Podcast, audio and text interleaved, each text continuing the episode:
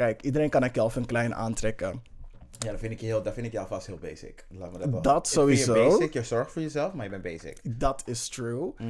Ehm, als, Als je, een Aussie bum aan hebt, dan weet je al van, en het is duidelijk te zien, dan weet je al van, deze girl is ready to mingle. Die says ready to mingle. Ze is, ze is klaar voor die turn-up. Ja, Als je all sowieso. that ass aan, aan hebt, denk je van oké, je bent een beetje nationalistisch, but you're, you're okay. Maar die print, mm, ik moet op jou letten. Dat denk ik Mm. meteen van, ik moet op jou letten. Als je Bjorn Borg aan hebt, ben je veel te jong in je hoofd. Girl, precies. En Say in real life. Say it for the people in the back. Als je. Bjorn Borg nog steeds aan hebt, ik, ik zie jou vriendin. Jij, jij gebruikt nog dingen. Zo noem je dat? Die, die, die stadspas voor onder de 18. C- CEP pas. Ja, je gebruikt die CEP-pas. Ik gebruik het nog.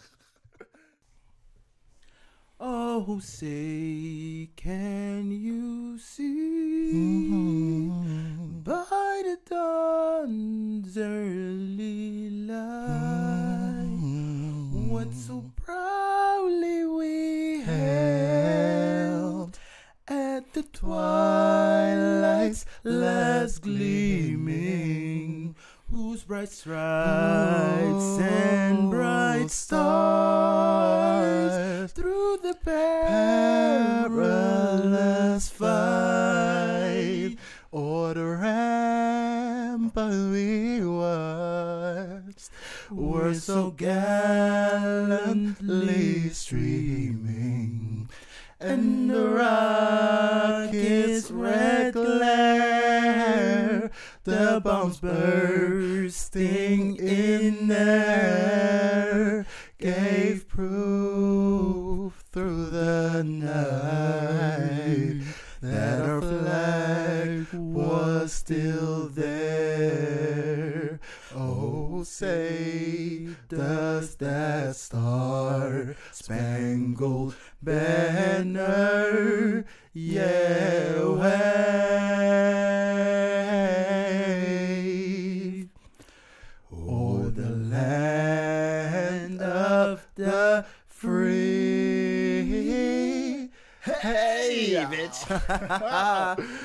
and the home of the de machine.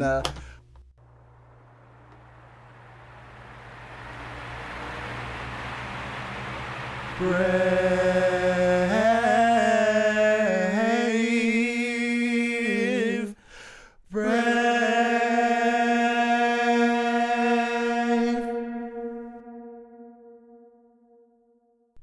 Applaus voor Mokums eigen kleine vrijdag.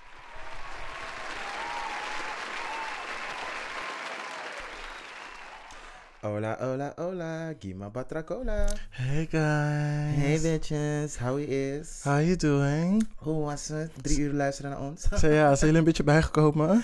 We're so not sorry. Promise we won't do it again. Very soon. Uh, Um, no promises. you never know, girl. Well, I said very soon. dus y'all can expect to ha- that happening again. No, we're gonna be we're gonna be sweet. We're gonna be nice, gorgeous and beautiful.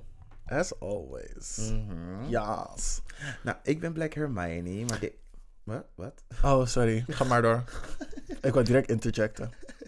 Nou, ik ben dus Herm... eh, Jezus Christus. Oké. Ik ben Black Hermione, maar deze week ben ik... Michelle Obama, haar outfit. Slayings. One bitch. One Jawel. bitch. Get into me. Kitana could never. Melina could never. What the Mortal Kombat bitch. Jawel, nee, het was Kitana. Zeg maar. Sindel coming back to life and claiming the throne of the Jawel, underworld. bitch. Ze kwam echt zo van, weet The je wat? Netherrealm. No more treason here. Stop it. No more trees, ik ga stuk. yes, love it. Maar haar ben ik dus. Yes, en ik ben Nuevo Jesus. Vraag je Puerto Rican papi te vertalen naar het Nederlands en je vindt me nog steeds niet op Instagram, want mijn Instagram is gewoon in het Spaans. en deze week ben ik Mercedes, de fuckboy slayer. En welkom bij Kleine Vrijdag. Welkom. Hey guys. Bienvenido. Yes. Ehm, misschien goed om te beginnen met te vertellen hoe de aflevering deze week eruit ziet. Misschien 22 afleveringen verder. Let's do it. Ja, is gewoon blijven doen. Misschien is dit de eerste keer dat iemand luistert.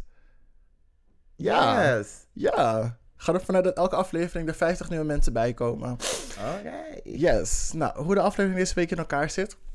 We beginnen met Who's Giving Us Life Right Now? Er zit iemand in de spotlight wegens zijn progressiviteit, noemenswaardige, bijdrage aan de community. Ze hebben geleverd of grond hebben bewezen de ultimate bad bitch of the week te zijn. Daarna in de hot tops hoor je onze ongezouten mening en roze blik op recente tomfoolery en shenanigans. Mhm. In... de- Ja, brr, brr, brr. She said what? Deze week doen we niet een als een danser of een 12 inches deep, maar doen we 12 pages deep. yes, bitch. We're, like yes. educated and stuff. We read books and shit. Yes, en de reden dat we een boek hebben gelezen is dankzij uitgeverij Pluim. Yes. Een grote vriend van ons die werkt daar en heeft even wat leuks voor ons geregeld en heeft wat boeken onze kant opgestuurd. Yes. And we thank you, baby girl. We Yes, we you. really do. From the bottom of our hearts en andere plekken.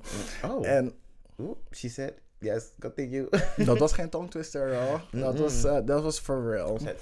En natuurlijk ook onze vriendjes en vriendinnetjes bij Spectrum en Tipsaus. Die ehm, er eigenlijk voor gezorgd hebben dat de boeken überhaupt op de plank staan. Ja. Dus wij gaan een eh, beetje een analysis doen van een paar verhalen die we hebben gelezen. Mm. Uit het een van de boeken deze week. En eh, volgende week zien we weer wat te doen. Yes. Oké. Ja. Eh, gewoon een kleine shout-out naar uitgeverij Pluim. Dank jullie wel. Again. Maar dat gaan we zo meteen nog een keer doen voordat we het boek erbij halen. Sowieso. Be grateful. Yes. Daarna gaan we door naar het spelelement van onze show. En net als fuckboys hadden we van spelletjes spelen met elkaar. En eigenlijk heb ik er deze week helemaal geen zin in gehad. Vandaar dat ik de fuckboy slayer ben. Eh, en Yes, we eindigen... Mercedes. Jawel, Mercedes. En als laatste eindigen we natuurlijk met de gay agenda. Mini-opsomming van wat, er, wat voor leuks er op de planning staat. En dat wordt zelfs nog minder dankzij de avondklok die eraan zit te komen. Uh-uh, don't, don't depress me like that. Trouwens, ik moest net denken toen, zei, toen ik zei Mercedes. Ken je die ene meme van eh eh, ABCD? Say no, it's Absidy. Ken je die niet? Nee. Dat is zo funny. Ik moet het uitleggen, maar laat maar.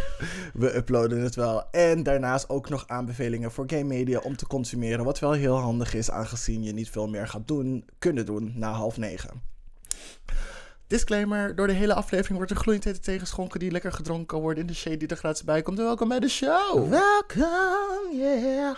Yes. Oké, Yes. dan gaan we direct door naar Who's Giving Us Life Right Now. Who's giving me... Wil jij beginnen? Yeah, Doe sure. Who's giving me life right now? Um, alcohol. Because this is depressing as shit. Het feit dat ze gewoon denken dat we weer in de motherfucking lockdown gaan en dat we niet denken van girl, come on now. Hugo de, Hugo de Jonge, trouwens, shout-out naar jou. Want ik moet jou even wel een kleine shout-out geven. Want ik vond het zo cute. Toen je zeg maar ging knuffelen met die ene gehandicapte guy. Nou, die guy kwam naar je toe. Hij had zijn prikje gehad. eh, zijn eh, covid-prikje. En toen ging je meteen naar Hugo de Jonge rennen en hem knuffelen. Dat was echt Oh. zo lief. So cute. Adorable. Ja. Yes. Ehm, heb je verder nog meer mensen? Nee, dat is goed zo. Oké.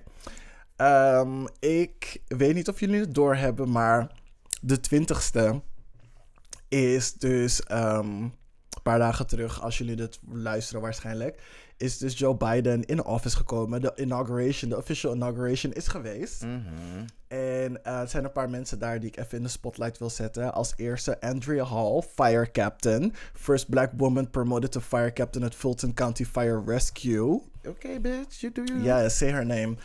En dat was, weet ik veel, dat was 16 jaar geleden. En ze is het nog koude steeds. En nadat JLo had opgetreden, ehm, deed zij dus de declaration, sorry, de Pledge of Allegiance. Dus zeggen hoe toegewijd ze zijn aan een koude vlag. Wat ik niet snap, maar oké. Mhm. Anyway, ze deed dus de Pledge of Allegiance en tegelijkertijd deden ze het ook in American Sign Language. Yes, bitch. Tegelijkertijd, hè? Naruto shit, hè. Ta, ta, Dus dat, ze had één jutsu voor jullie gezet, is bij iedereen binnengekomen. Jawel. Star Spangled Banner Jutsu.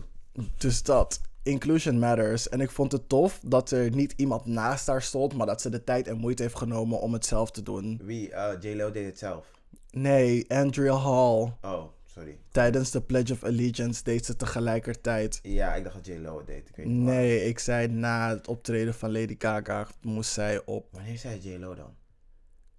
Omdat J-Lo en Lady Gaga ook hebben opgetreden. Ah, they were just included in the story. Oh, oké. Ja, en de twee andere die ik dus in de spotlight wil zetten zijn Lady Gaga en J-Lo. Yay! Ja, oké. ik weet niet waar, waar, waarom je confusion zeg maar zo tumultuous was.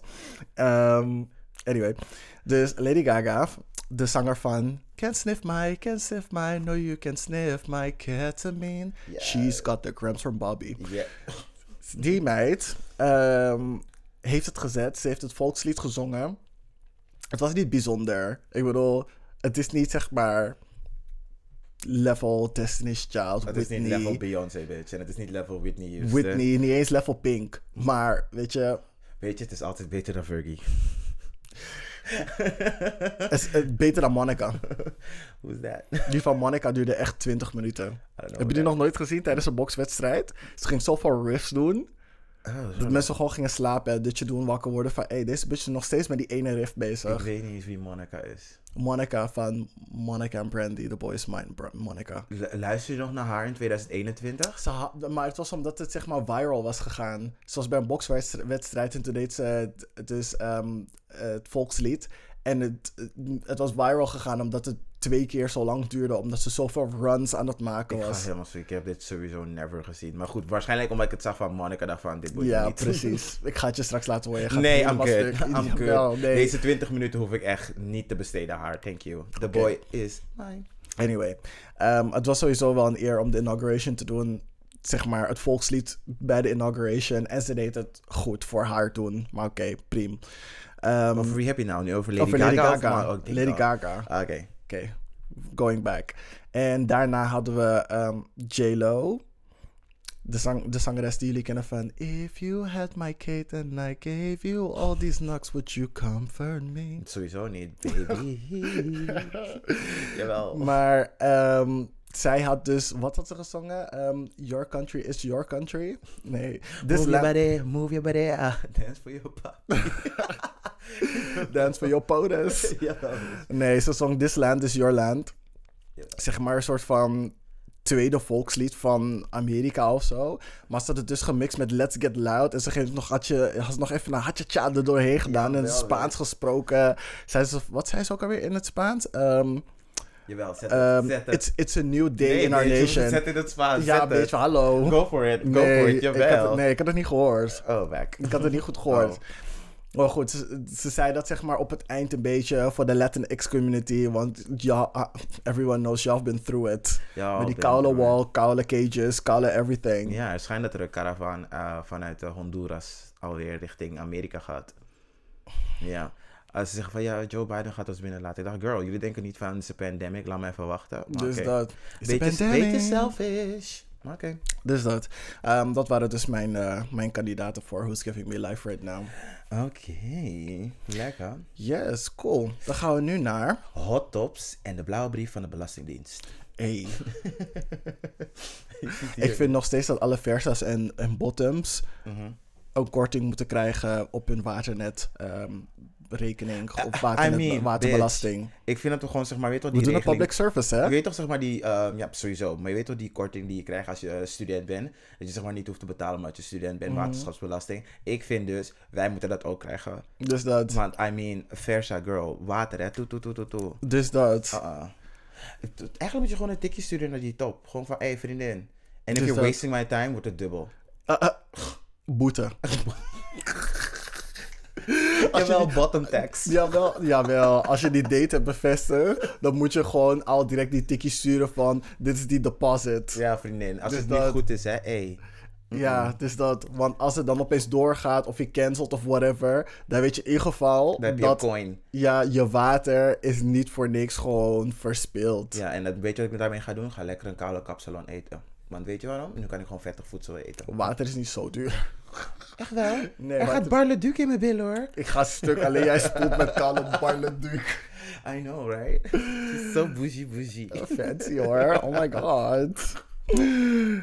Ah.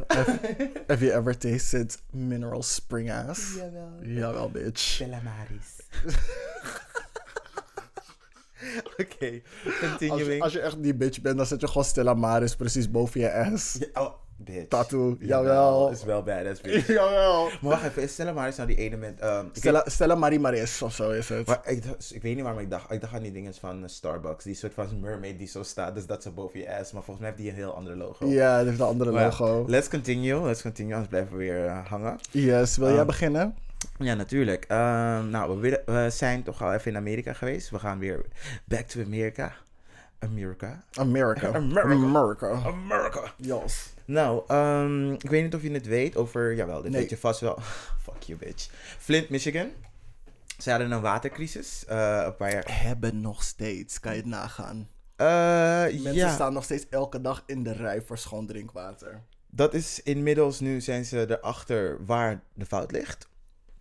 Ehm, ze zijn er dus achter gekomen dat die eh, oud-gouverneur, eh, Rick Snyder, die heeft dus Lopen water... spoelen bij water. Zie je wat ik bedoel? Dit is dus die bottom tax, hè? ja, bij, bij die waterzuiveringsinstallatie. Precies, daar ging hij spoelen. Hij heeft dus iets geswitcht. Ehm, hij had zeg maar iets geswitcht, want er was iets aan... ehm, er wa- was een fabriek in de buurt. Mhm. En dan wilde hij switchen naar de eh, Huron Ri- River. Dat hij zeg maar daar het water kon afleiden. Maar wat hij dus was vergeten was om eh, ook het irrigatiesysteem aan te zetten. Zodat het water ook like, gewoon goed gezuiverd zou worden. Maar je kan me zeggen dat niemand anders dat niet heeft gezien. De keuze is aan hem, bas- basically. Dus hij besluit van, oké, we gaan het zeg maar zo omleiden, omdat dit, dat Ah. en zo. Maar wat er dus was, toen ze er, want er is natuurlijk gewoon een, hoe noem je dat, een onderzoek geweest. En die mensen zijn er dus achter gekomen eh, dat die eh, Rick Snyder het van tevoren al wist.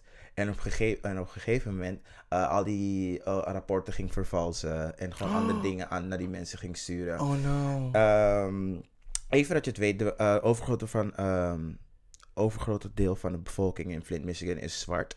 Ehm, dus, en ik wil geen link leggen, maar I'm just saying, if it was some honky tonkies, was het een ander verhaal. Als het een paar kerncentrales waren, was het een ander verhaal. Maar nou jullie beter je best gedaan om mensen te beschermen. Maar goed, dat is dus weer niet gebeurd. Mm. Wil jij weten wat zeg maar de boete is hierop? Het is zeker onder de 10.000. 2000 dollar. Voor het feit dat die mensen meer dan vijf jaar zonder schoon drinkwater hebben gezeten. Die, die, 2000 die dollar. guy krijgt maar 2000 dollar boete. En dat is als hij schuldig wordt gevonden. Jesus Christ. Ja, maar goed, ik vind, ik vind het echt belachelijk. American Dream, je hoort het. Uh-uh, American shitwater. Mm-mm. Mm. Geen Barle Duke hoor. Nee, niet daar. Uh-uh. Yes, Ehm, ik heb eigenlijk alleen maar, pardon, short mentions om doorheen te gaan. Oh, oké, dan bewaren die voor het einde dan. Ehm, klein dingetje. Oh ja, 2020. De woorden van 2020. Eh, de, eh, Oxford Encyclopedie. Woordenboek. Ja. Dus de, me- Ja. eh, de grootste woorden van 2020. Wil jij raden wat het woord is? COVID. Yes, bitch. is ook niet zo moeilijk. Nee. Ehm, nou, het grootste woord van ehm, eh, 2020 is natuurlijk COVID-19. Zoals veel mensen weten is dat de ziekte die je krijgt van coronavirus en niet gewoon corona. Mensen halen het vaak door de war, maar het is anders. Eh, en het tweede woord dat het grootste woord is? Guess, guess with me. Do Donald Trump. Ew, nee girl, Do- don't do that. This is, this is a beautiful day. Whatever. This is a beautiful motherfucking day. Ga door. Covidiot. Dat is iemand die zich misdraagt tijdens deze pandemie. Dat is de eerste keer dat ik dit woord heb gehoord. Ja, het is ook het eerste keer dat ik heb gehoord over Monica die 20 minuten eh, lang doorzingt. Ja, maar dat snap ik wel. oh, dat snap je wel. Dat wel. Covidiot. Eh Anthropos, daar heb ik nog nooit van gehoord. Oké. En dan dacht ik van, eh, wie de fuck is dat? Mhm. En in eh, Latijns-Amerikaanse landen, sorry voor deze hele switch naar somewhere else, Mhm. maar daar hebben ze het woordje Cumpleaños. Zoom, Pleianios. Cumpleaños, omdat heel veel van die mensen... eh, Op Zoom hun verjaardag vieren. Dat, was, dat Oh, vond ik echt wel heel cute. Ik vond het echt heel cute. Jawel. Ehm Zoom bombing. Dus dat is eh, die vervanging van fotobombing. Oké. Mensen zo in die Zoom lopen. Mhm. Ja, genoeg, daar is echt genoeg van gebeurd in een 2000 ehm, Blurs Day. Wanneer je, niet meer, wanneer je niet meer weet welke dag het is in, eh, van de week. Snap ik Omdat ook. alle dagen op elkaar beginnen te lijken. Mhm. Which I understand. Mm, en deze, maar deze bestond al een tijdje, maar in 2020 kwam je weer helemaal weer terug. Doomscrolling. Wanneer je dus op je Mhm. telefoon bent en je bent gewoon depressed en je gaat gewoon naar nieuws kijken en het wordt alleen maar erger en erger en erger en Mhm. erger. Wat is, het- wat is het woord voor jou dat je 2020 echt like, vaak hebt gebruikt? Depress. Depressing, depressed, Oh my god. mental health. Oh my god. Ehm, het gaat wel, komt Mhm. goed. Ja. Het gaat niet. En het woordje dat we heel anders zijn gaan gebruiken in 2020, want in 2019 gebruikten we het ehm, ehm, vaak in samenstelling met andere woorden, woorden, is het woordje remote. Dus in 2019 had je, gebruikten mensen het eerder voor remote village, remote island, remote control, remote location. Maar in 2020 hebben ze het meer gaan gebruiken voor remote learning, working, workforce, remote instructions Aha, en remote voting. En ook een heel groot woord dat naar voren is gekomen, wat natuurlijk ik echt wel aan wil halen. Because you know, we gotta support the black girls. the black girls. Mhm. Um, sy- uh, systemic. The fuck, waar is het naartoe? Systemic racism. Wat? Wait a minute, is dat het? Wait a minute, girl, why you do me like that? Mhm. Ja, systemic racism. Die zijn eh, heel erg naar boven gekomen. En for some, for some reason ook het woordje furlough.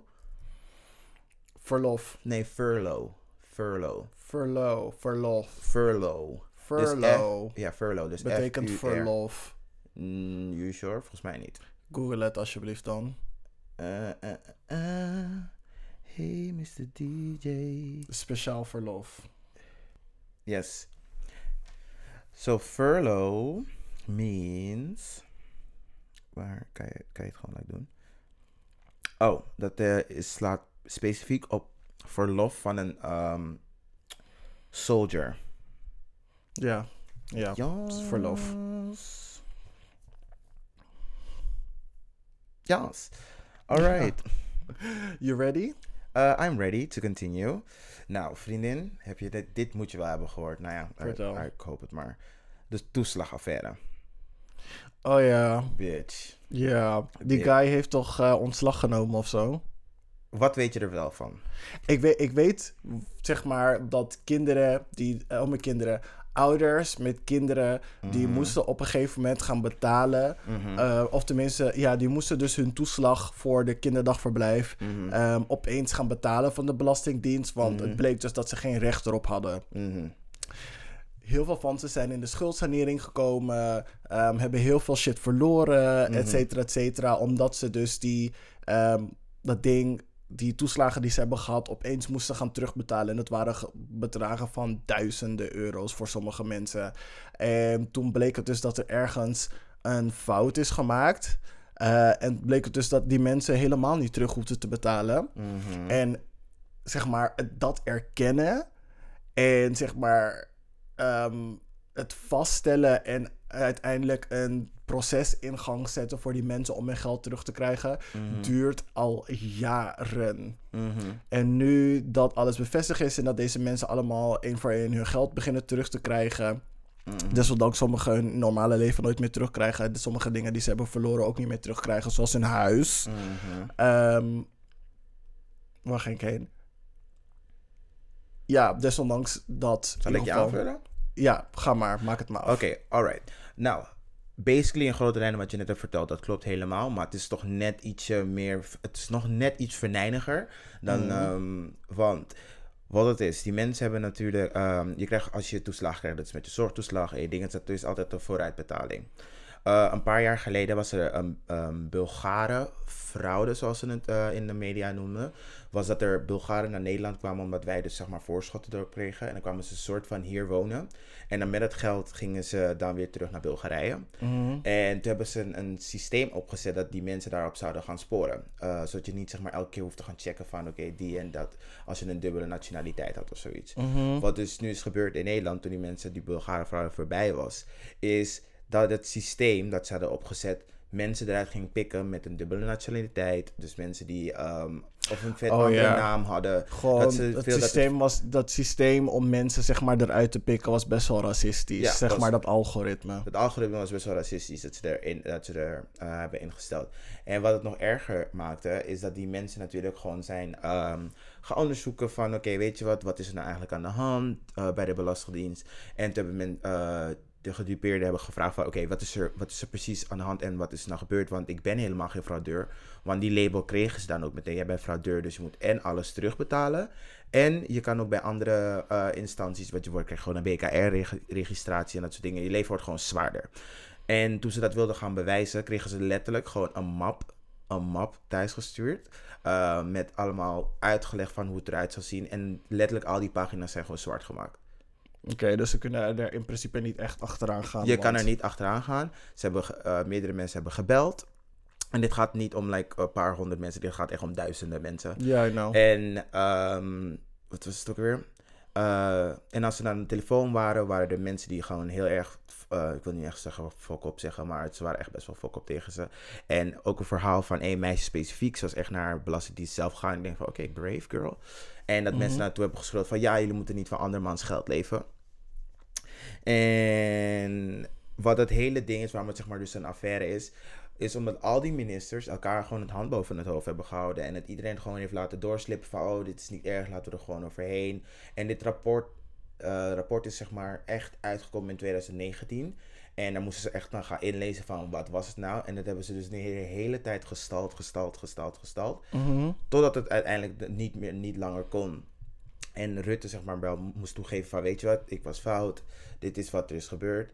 En toen hadden ze dus in de eerste instantie ook beloofd dat die mensen 30.000 euro terugkregen. Maar toen ze dus die 30.000 euro terugkregen, toen werd het alleen meteen weer ingenomen. Dus dacht van oké, nu neem je Menicalo serieus. Mhm. Ehm, wat ze nu hebben afgesproken is dat ze die eh, schulden bij de, eh, bij de regering gewoon allemaal kwijtschelden. Yes bitch. Mag dat ook voor Duo? Please? Ja, Please? ik ben ook gedupeerd. Ik ben ook gedupeerd hoor, girl. All my life. Dit, dit jaar dat jullie hebben gezegd van, oh, we gaan nu studeren, eh, 2020. Uh-uh, bitch. I want my money back, want deze maand is not it. Statistiek is moeilijk. Ehm, en hebben ze dus dat nu afgesproken en dan krijgen die mensen het geld weer terug. En het kabinet is dus nu demissionair. Oké. Ja, je hebt me het verhaal nu uitgelegd. Ja, Thanks voor de aanvulling. oké. En je vraag is? Ik heb geen vraag, ik vertel het gewoon. Ja, is best wel fok op. Want ik heb het ook zeg maar... eh, Zeg maar, de eerste keer dat ik erover hoorde was bij Radar. Mhm. Moet je nagaan van alle programma's. Ik mag die chick niet, hè. Ik mag haar echt niet. Want die mensen die ze uitnodigen op haar shows... ze zetten ze echt in een hoek.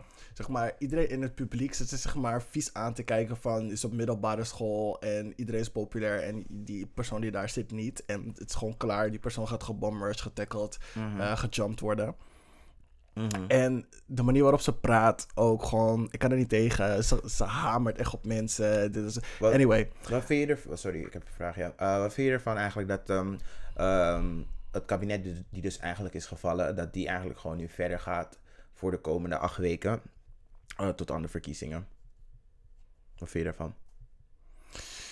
Nou ja, er is niet veel te doen. Ik bedoel, de verkiezingen zijn over acht weken.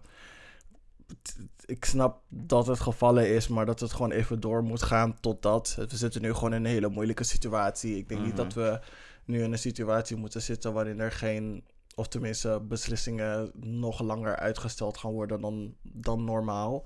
Dus ik snap dat het gevallen is, maar dat het toch door blijft gaan, desondanks de, de moeilijke situatie. Ja.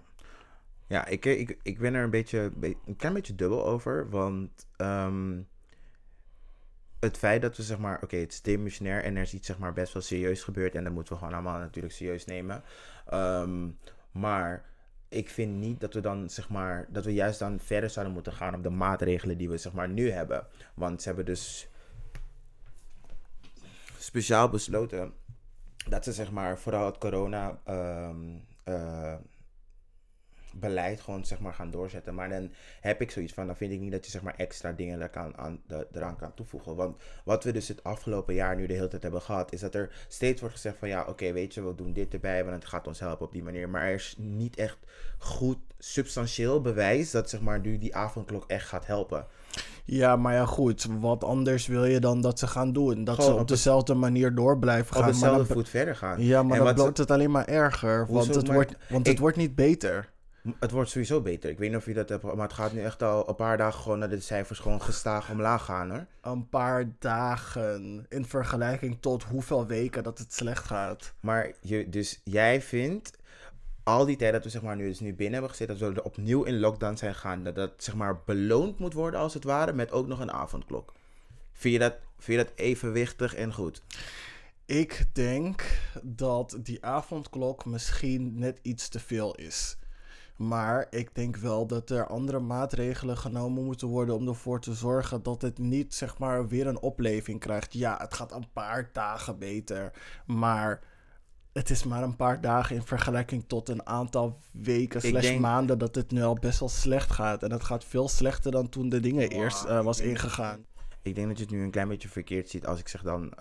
het gaat nu- Anders. Het gaat nu eh, een paar dagen beter. Want de cijfers die je nu terugkrijgt, dat is zeg maar een eh, weerspiegeling van twee weken geleden. Het is niet zeg maar, oh, vandaag is het nu dit.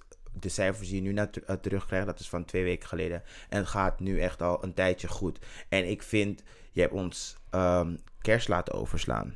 Je hebt ons nieuwjaar laten overslaan. Voor een reden. Voor een reden. Maar je moet, ik, ik- wat het ding is, je kan het volk niet zoveel, ehm, Druk opleggen. zoveel beperkingen opleggen en er niks voor terugkrijgen. En dat is gewoon wat ik best wel erg vind. Voor hetzelfde geld kan je zeg maar je soort van vaccinatieprogramma ietsje gaan versnellen, zodat er wat meer vaart erachter komt. Waarom ga je zeg maar je volk, en dit er is, het is ook niet zo dat je zeg maar over het hele linie van eh, coalitie en oppositie gewoon allemaal terugkrijgt van, oh ja, dit is een goed idee. Heel veel mensen zeggen ook van, sorry, ik ben het er niet mee eens. Mhm. Dus ik vind dat je dat ook nog kan doordrukken. En je bent die demissionair. Ik vind het dit. Ik zou niet zeg maar snel bij die eh coronawappies toevoegen. Maar ik, dit is voor mezelf wel echt een streep. Ik vind die avondklok echt niet nodig. Weet je wat ze al lang hadden moeten doen? Die fucking vluchten van andere landen eh, gaan afsluiten. Dat moesten ze gaan doen. Dat Want dat je gewoon zo die influx van andere landen gewoon steeds naar binnen laat komen. Mhm. Dat zorgt voor. ehm, dat zorgt veel meer voor een nieuwe coronabesmettingen. Ja, als je dat had gedaan. onder andere mensen naar Zuid-Afrika laten gaan en dat soort dingen tijdens de kerstperiode en gewoon terug laten komen, zeg maar onnodige vluchten maken. Ik ben er zelf ook verbaasd over dat heel veel landen die oranje en rood zijn verklaard, dat mensen daar gewoon heen kunnen en terug. Ehm, dat mensen gewoon zeggen, ja, ik ben gewoon op vakantie geweest, ik ben dit jaar het hele, de hele wereld over geweest. Dus ik denk van vriendin, ten eerste, waarom voel jij die verantwoordelijkheid niet om gewoon thuis te zitten? Mhm. En ten tweede, ook wie de fuck heeft jou door douane heen gelaten om gewoon Mhm. op vakantie te gaan- kunnen gaan zonder geldige goede reden eh, een vliegtuig op laten gaan en her en der laten gaan en terugkomen. Ja, oké, ik snap dat daar extra restricties op zijn gekomen. ja. Die avondklok vind ik niet nodig, maar heel eerlijk, ik vind het echt totaal niet erg dat ze strengere regels hebben opgezet. Ja, het volk is moe, maar het volk is ook koppig geweest. En als je hinderlijk wil doen, moet je in de kale naughty corner zitten. En daar zitten wij nu. Nou, ik, I, don't, I don't agree. Snap ik, vind, ik. ik. vind niet alle dingen die dus en demissionair en we doen het al fucking tien maanden lang, bijna elf. eh, en het feit dat je zeg maar al die eh, vluchten zo hebt opengelaten. En het feit dat je zeg maar alle studenten niet één keer tegemoet bent gekomen in eh, überhaupt wat dan ook. Ehm, sorry, ik vind, het, ik vind die afweging vind het een beetje scheef. En het, ik vind het juist eng om aan de andere kant te staan, want hier staat Schildwilders ook en ilg. The fuck. Ik snap het wel. Misschien praat ik ook zeg maar vanuit een positie of privilege. Want bij mij op werk is business is gewoon booming. Ik, ik heb een vast contract. Ik heb ik word gewoon doorbetaald en er is genoeg werk te doen. Dus vanuit mijn opzicht, ja, een lockdown, strengere regels, ja, is fok op. Maar ik heb gewoon nog mijn werk. Ik heb nog mijn 9 tot 5. Ik heb nog mijn volledige eh, inkomen. Dus ja, misschien dat ik praat vanuit een positie van privilege. Dat ik denk van, Ja. Iedereen om mij heen is gewoon gekke shit aan het uithalen. Ik snap het wel dat ze die lockdown langer door laten gaan. Maar mensen die inderdaad misschien hun baan hebben verloren en zeg maar vanwege de lockdown ehm, niet een baan kunnen vinden, zeg maar vanwege deze niveau van lockdownerigheid. Mhm. Ehm, en enzovoort. Of tenminste, zeg maar, thuis zitten, maar wel doorbetaald worden, maar niet weten wat ze met hun ehm, tijd en energie moeten doen. Dat ze inderdaad ook een beetje gestoord worden. Mhm. Maar. Precies, en daar wil ik even op inhaken. Want dat, ja, maar, nu- maar- maar laat me simpel. Ik, ik, ik snap dat echt wel. Ik snap Mhm. dat echt wel. Maar ik denk dan dat de overweging dat zeg maar, als je niet eens alleen aan het land denkt, maar gewoon aan je vrienden en je familie en je naasten, Mhm. dat de overweging dat zij gezond zijn, dat dat groter moet zijn dan het feit dat jij wilt dat de dingen, regels versoepeld worden, zodat jij meer ruimte hebt om dingen te gaan doen binnen jouw vermogen van nadenken, om jezelf bezig te houden of aan een nieuwe baan te komen. Hmm, Ja, I don't agree. Maar waar ik dus net wilde inhaken was over het feit van er zijn nu meerdere ehm, experts geweest bij meerdere programma's die ook hebben gezegd van het is nu al tien maanden zo dat die alleen maar denken van oké, we moeten de ziekte eh, beperken en dan hebben we het over fysieke ziektes. Maar je ziet bij het ehm, GGZ, is het GGZ of GGN? GGZ, denk ik. ehm, dat er echt een, een stijging is met mensen met mentale problemen. En hij gooit het nu steeds op van ja, oh, eh, we moeten het eh, mensen gaan bijstaan. Maar je kan niet iedereen bijstaan. Je buurvrouw is geen specialist.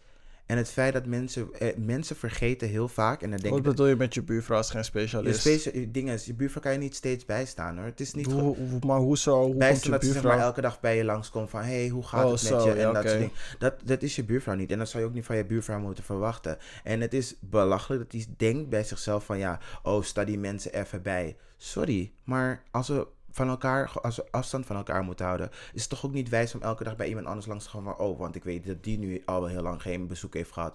Het is... Mensen denken over mentale gezondheid gewoon net iets te makkelijk na. Het is veel heftiger dan je denkt. En nu 10, 11 maanden verder, die mensen zeggen het is on the rise. En er is nooit die afweging om te denken van oké, weet je. En ik zeg niet dat alles gewoon nu lekker open moet gaan en dat we moeten gaan doen wat we willen. Maar die avondklok, dat je zeg maar niet midden in de avond gewoon kan. Ik, niet dat ik zeg maar dat ik op date zou Mhm, gaan. nu komt de piemel uit de mouw. niet, maar als stel je voor, stel je voor nou, ehm, die mensen die nu nou zeg maar echt op spanning staan, hè? gewoon van oké, dit is echt like too much. En ze zeggen van ze doen dit speciaal om de jongeren, wat ik ook niet helemaal geloof. Het zijn niet alleen de jongeren. Want het zijn echt niet alleen de eh, jongeren. Maar stel voor iemand die nu al op spanning staat. Je kan nu, en nu, avondklok gaat al om half negen in geloof ik. Ja. Girl, half negen, the fuck. Dat is echt like early. is gewoon na goede tijden, slechte tijden naar bed. Ja, nou ja, thuis blijven in ieder geval. En dan mag je niet, ja, eh, ik vind, het, ik vind het gewoon een beetje scheef. En ik denk gewoon, persoonlijk, mensen gaan toch altijd eh, de grens opzoeken. Ze gaan gewoon met elkaar afspreken, gewoon om acht uur, gewoon boep. En zeggen van, yes girl, sleep over. Boep. Ja, dat snap ik. En dat is dus het probleem. Ik denk dat als je mensen dus weer een vinger gaat geven, dat ze belanden in zomerlust. Bitch. Welke vinger wordt je gegeven? Ze snijden die vinger juist af. Nee, maar ik bedoel van als ze zeggen van oké, jullie krijgen het wordt weer iets relaxter of we blijven doorgaan op hetzelfde niveau, dat het gewoon weer helemaal fout gaat gaan. Ik denk Maar dat, Ik denk maar dat even, maar dat naar- klopt niet. Dat klopt niet. Dat klopt niet. dat, dat, dat denk jij. Nee, dat zeg ik. Want als Maar we nu- luister, Kijk, hè, luister. luister. Nee, maar laat me mijn zin Nee, nee, afmaken nee, en dan mag je nee, erin nee, gaan. Het is nee, heel nee, kort, oké, laat me mijn zin oké. afmaken. Ik denk dat onderweg naar ehm, eh, de vaccinatie, dat ze gewoon extra voorzichtig willen zijn. En who can blame them? Ik zelf zou ook niet, wetende dat de, het vaccin dat er aan zit te komen, dat heel dichtbij is, dat als we nu gaan versoepelen, dat er opeens heel veel meer infecties gaan aankomen. Ik snap dat ze op hetzelfde niveau en met sommige dingetjes wat strenger zijn geworden. Naar aanloop van hoe meer mensen je kan vaccineren, hoe beter het is. That's what I wanted to say. Maar dat klopt dus niet wat je dus zegt. Want je, je hebt het over versoepelen.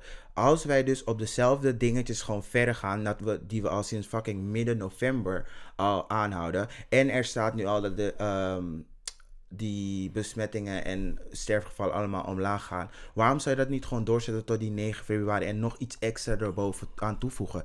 Dus ik snap dat niet. Niemand heeft het over versoepelen of dingen weghalen. Gewoon op dezelfde lijn verder. Ik zeg niet dat de wereld weer open moet gaan. Dat zeg ik helemaal niet. Maar we zijn nu al beperkt. Waarom zou je het nog beperkter gaan maken?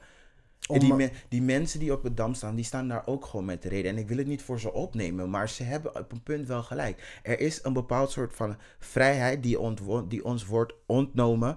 En nu, je kan het niet goed praten. Je kan niet goed praten wanneer je ziet dat de cijfers al goed gaan, het nog strenger gaan maken. Sorry voor mij dat de cijfers dan, zoals jij zegt, dan twee weken goed gaan in vergelijking tot die weken daarvoor. Ik vind het niet lang en sterk genoeg om te zeggen we gaan door op dezelfde manier totdat het vaccin eraan komt. Ja, sorry, dan moeten we daar maar eh, op mening op verschillen. Ja, maar dat is, dat, is dan het zo. Denk ik daarbij laten, ja. Sorry, ik, het is, is, is- sorry zeggen. is Is, je a mening. pandemic. Is, is En dat het, twee pandemic, weken, dat het twee, me- twee weken minder hard stijgt, wil voor mij niet zeggen van oké, als zij vinden dat het strenger moet worden, dan, dan zeg maar een, hoe heet het, een prognose een, een, vooruitzicht die ze hebben eh, berekend. Zij denken van oké, we willen gewoon niet dat het zeg maar, dan snap ik dat. Prima. Ik, eh, ik, ik ben de laatste.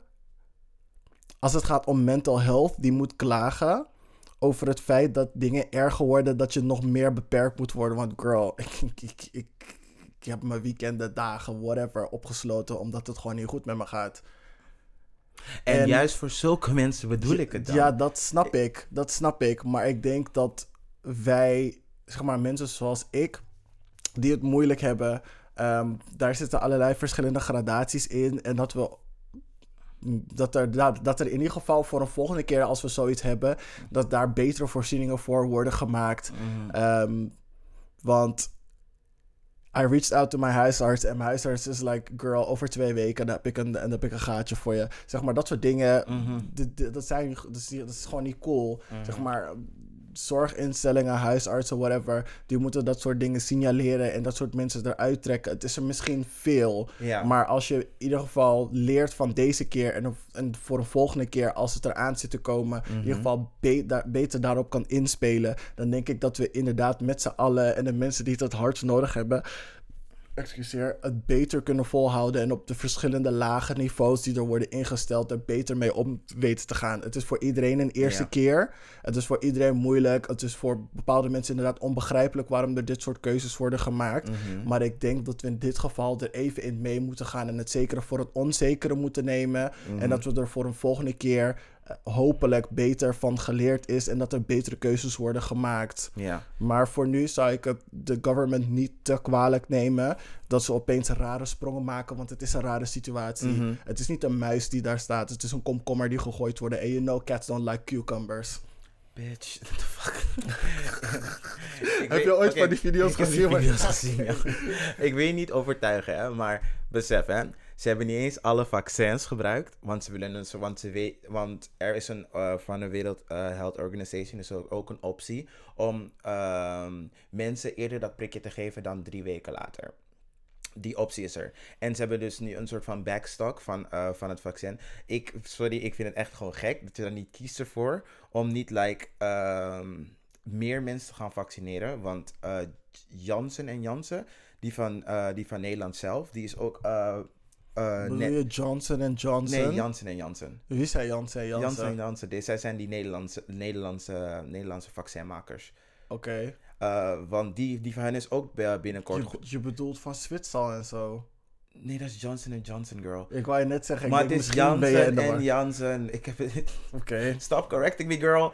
Maar kijk, dus die van hen is nu ook gewoon, eh, gaat nu naar het EMA, dat ze dat gaan fixen en dat dat goedgekeurd wordt. En daar hebben we er 11 miljoen van.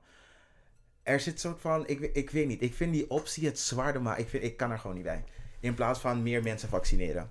Ze liggen daar, ik- kies eerder voor dat dan dat ik het volk nog zwaarder maak. Vooral, Ik- vooral, vooral je zo meteen verkiezingen hebt. Ik zou het ietsje slimmer aanpakken, maar dat ben ik. Ja, ik weet ook niet waarom ze die keuze hebben gemaakt. Hebben ze verteld waarom ze die keuze hebben gemaakt? Ze willen gewoon. ehm, eh, als ik het eh, van vanmiddag was, dit die dinges, die persconferentie. Wat zei hij ook alweer? Mm, ja, ze hebben, ze hebben een best wel moeilijke vraag gesteld. Niet moeilijk, een beetje fok op vraag gesteld.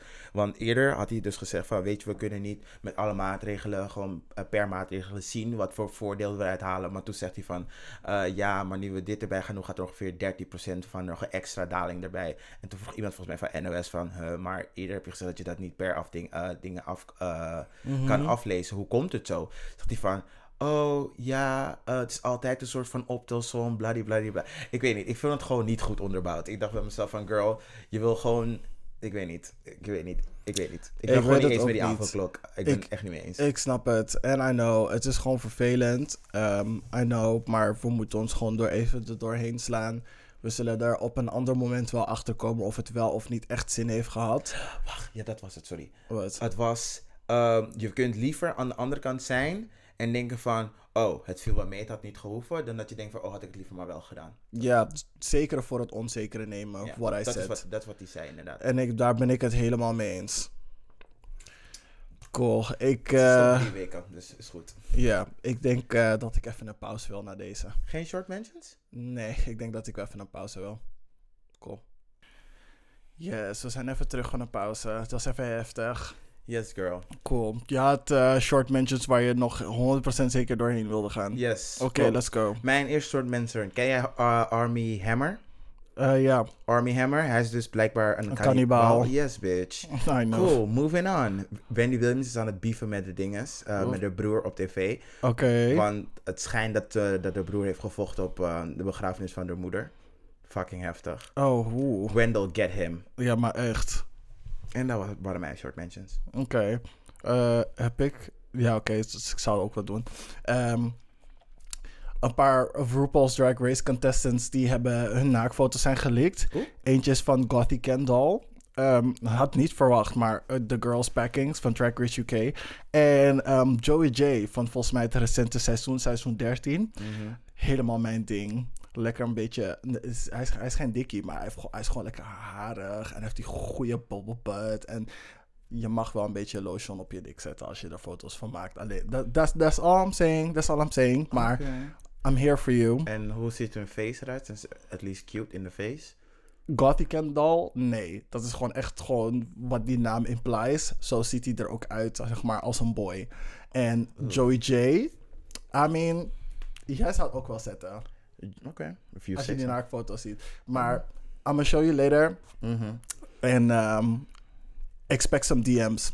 Oh, Eh, even kijken. En er was eentje. ehm, er was een hele ding over. ehm, ik weet niet of jullie weten wat chastity belts zijn. Of chastity cages. Dat zijn zeg- Kuisheidsgordel. ja, een kuisheidsgordel. Maar de laatste tijd zijn dat ook zeg maar sextoys voor mannen.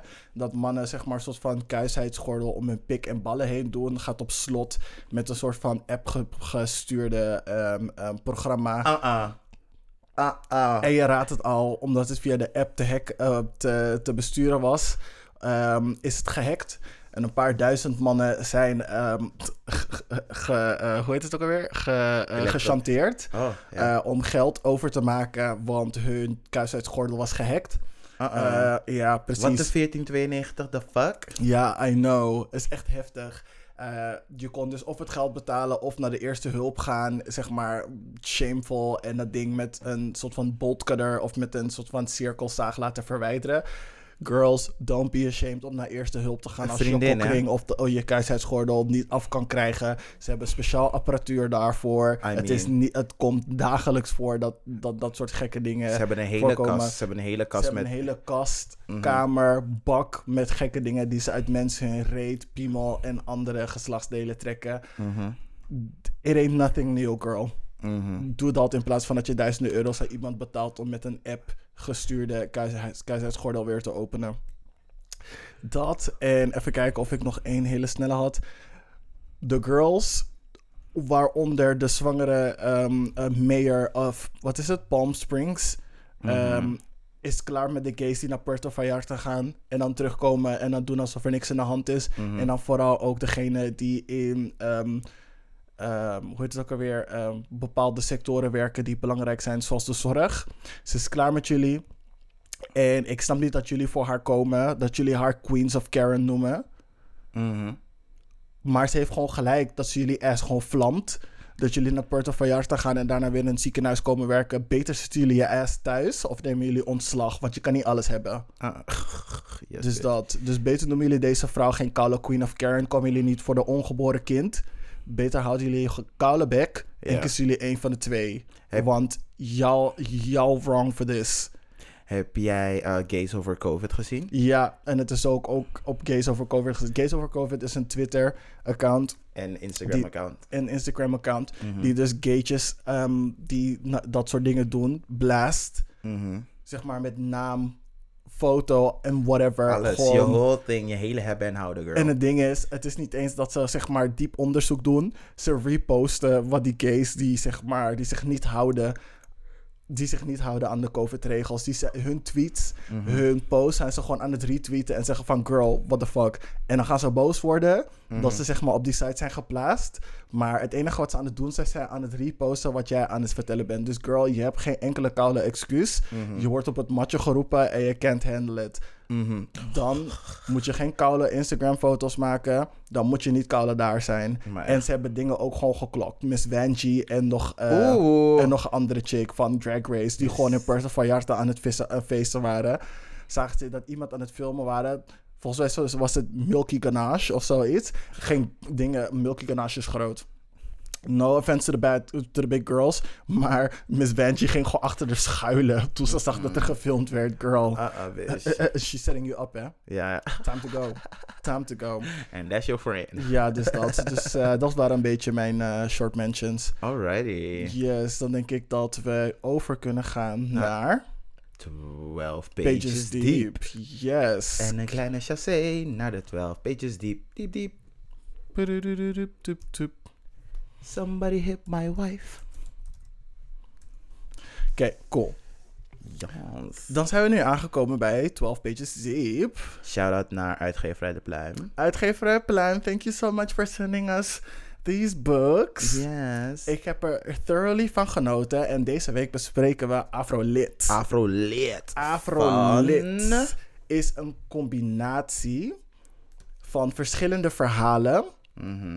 Ehm, zoals op het boek staat, moderne, moderne literatuur uit de Afrikaanse diaspora. Yes. Ik moet zeggen, het is niet alleen Afrikaans. Het is ook, zeg maar, everything Afro-adjacent. Dus Afro-Latino, Mhm. Afro-Caribbean, et cetera, et cetera. En ik vond het best wel leuk om, zeg maar, een aantal verhalen te lezen... die, zeg maar, van links, rechts, boven naar onder gaan. Mhm. Maar ook, zeg maar, naar mijn eigen cultuur heel nostalgisch waren. Ja, ja, ja. Ehm, ik moet zeggen, we gaan niet het hele boek voor jullie, ver, eh, nou ja, niet verpesten, maar zeg maar bespreken. We hebben random vijf verhalen uitgekozen om te lezen. Yep. We hebben gekozen, we hebben eigenlijk gewoon gekozen naar welke titel gewoon een beetje interessant klinkt. Mhm. Die gezegd en zeggen, bitch lees, ik lees ook. En nou, dat we die vijf verhalen gaan bespreken. Ehm, Mhm. Diepere betekenissen eruit halen. Dingen die ons raken, quotes en dergelijke. Gewoon even bespreken. En dan op het eind, dan geven we een soort eh, recensie over het boek. Mhm. Ehm, zeg maar aan de hand van de vijf verhalen die we hebben gelezen. Mhm. En dan, eh, ja, dat. Yes. Cool. Oké. ehm, Kleine ik- question though. ja. Heb jij van elk verhaal iets geschreven? Want ik heb een beetje een, gewoon in grote lijnen gedaan. Ik heb van bijna elk verhaal wel ehm, iets geschreven. Oké, dan, weet, dan zeg ik er wel bij wat ik ervan vond. Heel Want goed. ik heb in grote lijnen. Cool. Het eerste verhaal ehm, dat, we gaan dat we gaan bespreken is De Schoonmaker van Bab Mhm. Schons. Ik moet zeggen dat ik al deze namen niet herken. Mhm. Wat ook wel leuk is, want dan leer je nieuwe mensen, nieuwe eh, perspectieven kennen. Ja, klopt. En even kijken, De Schoonmaker. Ik haal even mijn aantekeningen erbij. Klikken die klik, klikken die klik. Klikken die klak. Klak, klak, klak. Klakken de klak. Cool. Dus ehm, het eerste wat me opviel, zeg maar, ik ben er gewoon doorheen gegaan. Gewoon Mhm. lekker lopen kleuren en lopen arceren en bla bla bla. En het eerste wat me opviel was dus, ehm, even kijken. Oh, wacht. Laat me daar even heen gaan. Zodat het voor mij wat makkelijker is. Deze bladzijde. Oké. Zijn nou de schoonmaker? Ja, de schoonmaker heet het. Dus die eerste zin, of tenminste een van de zinnen die me als eerst aansprak, was... Bij de eerste kennismaking keek ze me verbaasd aan nadat ze de trap omhoog was geklommen. Jij bent bruin, had ze gezegd. Ah. Dus ik ga Ja. stuk. Ehm, in ieder geval, het gaat dus over een ehm, donkere vrouw die Mhm. dus een schoonmaker huurt. Eh, en zeg maar, de interactie die ze met haar heeft, wordt dus in het verhaal eh, beschreven. Ehm, die zin die ik net oplas, dat die eh, schoonmaker, die obviously ehm, not black is, Mhm. zegt tegen haar van, oh, je bent bruin. Eh, Assumptions. Assume. ja, dat vond, ik, dat vond ik dus zeg maar heel typerend. Mhm. Want ik zelf heb zeg maar een soort van Frans-Amerikaanse naam. Mhm. Zeg maar voor- en achternaam. Het is, Mhm. het, ja, het is gewoon Frans-Amerikaans, zeg maar. Als je er zo naar kijkt, zonder enige context als een wit persoon... zou je niet direct linken ehm, dat mijn naam s- wel echt Surinaams is. Die, die achternaam in ieder geval. Ja, girl. Zo bekend als wat. Ja, het is een bekende Surinaamse achternaam. Ja. Maar zeg maar zonder enige context, dan is het Frans-Amerikaans. Ja. Mijn volledige naam. Ja. Ehm, en ik, ik heb het ook best wel vaak dat als ik een sollicitatie heb Mhm. of ehm, zeg maar ik ergens binnenkom op mijn Mhm. naam alleen en Mhm. dan er een, een gezicht aan wordt gekoppeld, Ja. dat er een disconnect is van de persoon die, Die ze aankomt. zien Ja. en de persoon die ze hadden verwacht op papier. is eigenlijk alleen maar een voordeel. Want als ze zeg maar konden afleiden van oké, die is als ze zeg maar meer Surinaams kennen, dan weten ze dat wel echt een bekende Surinaamse... Thank you for saying my last name in de, in de podcast. Will bleep that the fuck out. Yes, maar please. als iemand dan zeg maar die achternaam dus hoort, ehm dan weten ze zeg maar eh, wel van, oh, dit is echt een bekende Surinaamse achternaam. eh, waardoor ze zeg maar minder snel de link leggen. Maar dit is ook zeg maar waarom heel veel mensen ook worden afgewezen. Hè? Dat wanneer ze wel die link kunnen leggen. ah, Ja, inderdaad. Dus dat is echt zoiets van... Het is een voordeel en een nadeel. mhm. Ehm, maar het is wel heel typerend. En het kwam wel echt bij mij binnen van... Oké, dat is heel herkenbaar. Ja, ja, true. Ja. Ehm, en zeg maar, wat ik ook een beetje uit het verhaal haalde, is dat ehm, zeg maar, als je omhoog gaat in sociaal-economisch standaard eh, klasse, ehm, dat je je toch een beetje moet bewijzen naar de witte persoon, ook al staat die voor jouw perceptie of zeg maar. Als je kijkt gewoon naar so- social economical standards, dat die zeg maar een rang onder jou staat, een kast onder jou, om het zo te zeggen. Ehm, dat je toch een soort van drang hebt naar validatie. Dat je jezelf probeert te bewijzen naar de witte persoon van... Oh, weet je, see me, see how good I'm doing, bla bla bla. Ik kan een schoonmaker inhuren in plaats van dat ik het zelf doe. Want ik weet 100% zeker dat iedereen van kleur gewoon goed is bijgebracht over hoe je je koude huis moet schoonmaken. Want je moeder liet je volgens mij elk weekend het huis van top tot teen schoonmaken. Jij niet? I plead the fifth on this Eh, one. Nee, bitch. I plead the fifth on this Uh-uh. one. Girl, je weet hoe zeg maar slecht ik ben in schoonmaken en shit. I, Nee, didn't need, I didn't need to do shit. Nee hoor, mijn ouders zeggen, kijk, ik doe het één keer voor en daarna doe je de rest van je leven goed. Ik kom daarna inspecteren, ah, ah ja, dit, dat is zo And I gemist, ah, ah, want dat is zo gemist. spoiled, but we had a, a cleaning lady. Eh, kijk, dat bedoel ik, dat was bij ons gewoon niet het geval. Nou ja, Ah, goed. Daarnaast ook zeg maar dat ze een link probeert te leggen met die vrouw van... Ja, mijn moeder is ook een schoonmaker geweest. Zeg maar dat ze dat zegt. Dat ze dan zeg maar onbewust een soort van... ehm, aan het projecteren is naar die vrouw toe van ik probeer want wat het is in het verhaal ze heeft een schoonmaker gehuurd maar ze gaat daardoor zelf nog meer schoonmaken zeg maar om die validatie te krijgen van een schoonmaker en daartegen, daartegenover ook nog een blanke vrouw die zegt tegen mij dat ik goed kan schoonmaken. Want zij verwachten van ik maak zo goed schoon. Dat die schoonmaker zegt van oh ik hoef bijna niks te doen. Want je hebt het eigenlijk al zo goed gedaan. Die soort van drang naar validatie van witte personen. Vooral als ze zeg maar een combinatie kunnen maken naar... Zeg maar, ja, ik denk dat ze die validatie in dat opzicht niet zo van haar moeder heeft gehad. Want ze legt ook uit van... hey, mijn moeder is ook schoonmaker. En als ze in mijn huis komt, heeft ze zoveel te zeggen. En ik denk dat ze ging projecteren op die schoonmaker. En wachten op een bepaalde validatie van je doet het goed. Zodat ze daarmee naar haar moeder terug kon gaan van... hey, weet je, zij zegt dit, dat, ze zo, bla bla bla. Oké, question. Ja. Ehm, want I'm a kind of bit confused. En dat komt misschien omdat ik het niet helemaal goed heb verstaan. Dus Mhm. die zwarte vrouw, dus die Bab Schons, die zoekt validatie bij... Niet, Tenminste, die, die vrouw in het verhaal. Ja, sorry. Ehm, die zoekt validatie bij die witte persoon. Of die witte persoon zoekt bij die... eh, Andersom. andersom. Ja, dus zij, de zwarte vrouw zoekt validatie bij de witte schoonmaker. Ja, oké. Ja. Oké, ja. Ja, ja, ja. Nee, dat is fijn. Ja, daarnaast ook denk ik dat we witte personen zeg maar meer ehm, een marge geven om op te fokken in vergelijking tot mensen van onze eigen ehm, cultuur of kleur. Leg, Want- dat, leg dat alsjeblieft even uit. Want ik weet, niet, Wat? ik weet niet precies wat... ehm, ik snap soort van wat jij uit het verhaal hebt gehaald, maar ehm, je moet het even simpeler uitleggen. Want ik begrijp niet helemaal mee wat voor conclusie je daaruit hebt getrokken. Kijk, zij Mhm. heeft dus een schoonmaker ingehuurd.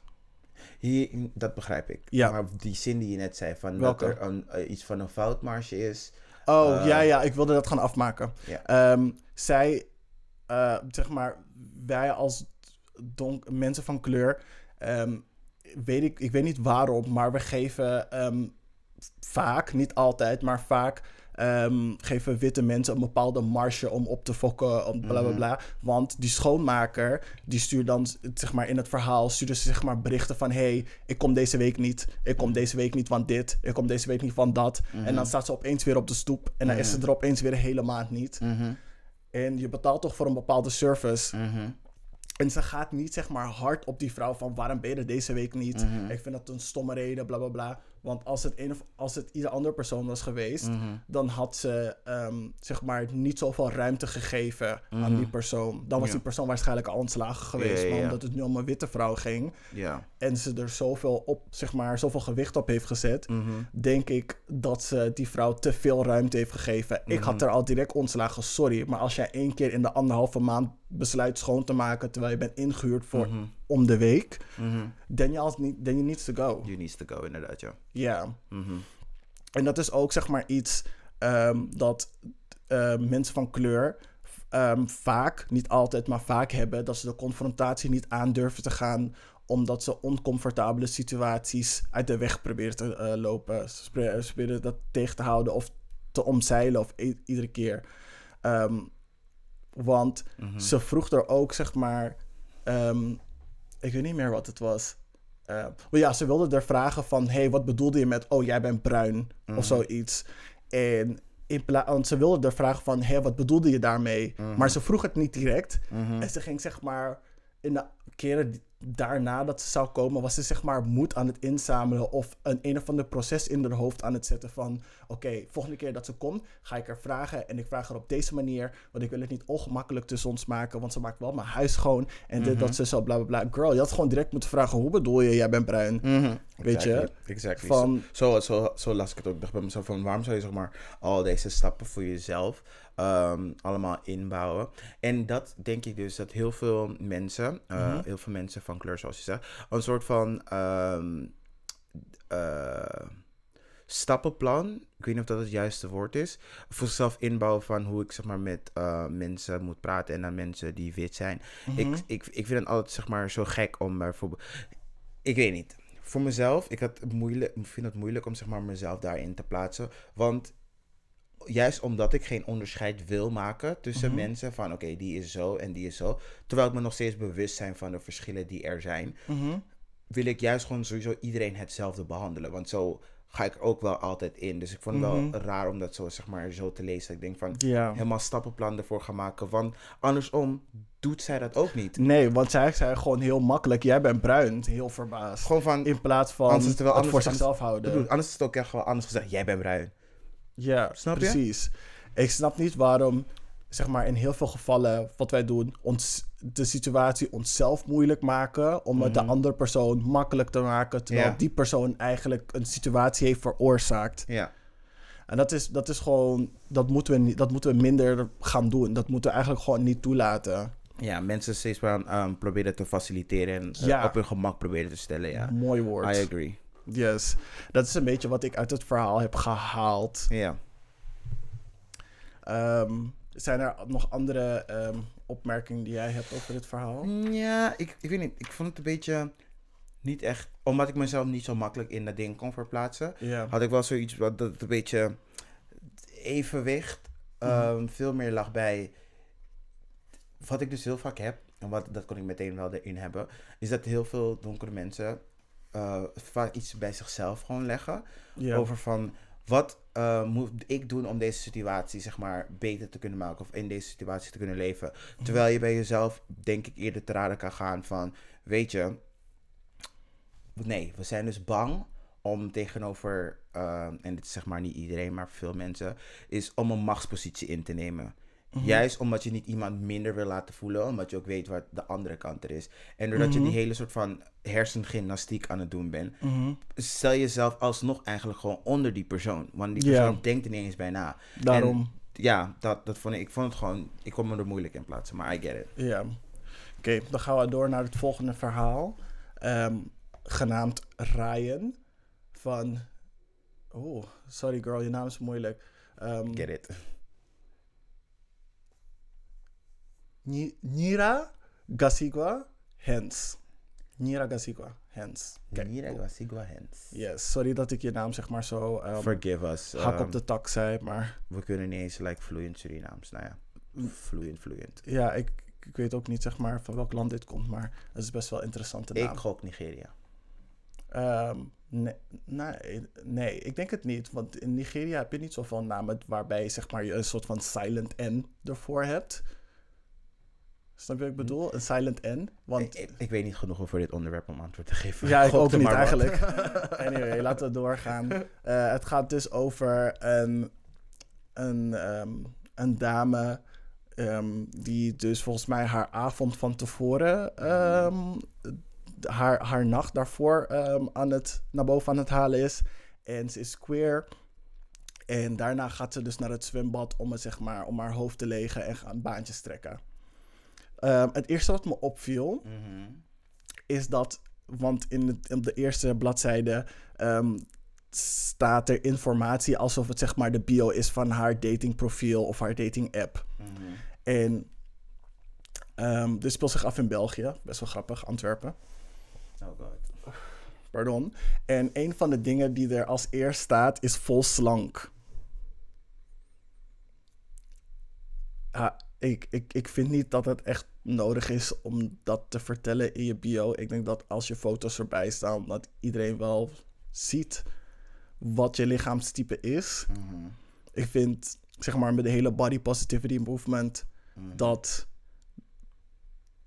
Ja, ik, ik vind dat soort dingen, zeg maar, je, je lichaamstype aanduiden Mhm. in je profiel is vaak alleen maar iets dat belangrijk is of wordt gedaan als je dus een vrouw of een gay man bent. Want in dat opzicht wordt er heel veel waarde aan gehecht. Mhm. Zeg maar wat je, lichaam, wat je lichaamstype is.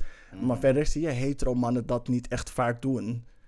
Je neemt het maar gewoon voor lief. Of je ziet het wel op de foto. Ik heb nooit echt gezien op profielen van hetero mannen dat ze daar echt waarde aan hechten. Of dat ze dat überhaupt erin zetten.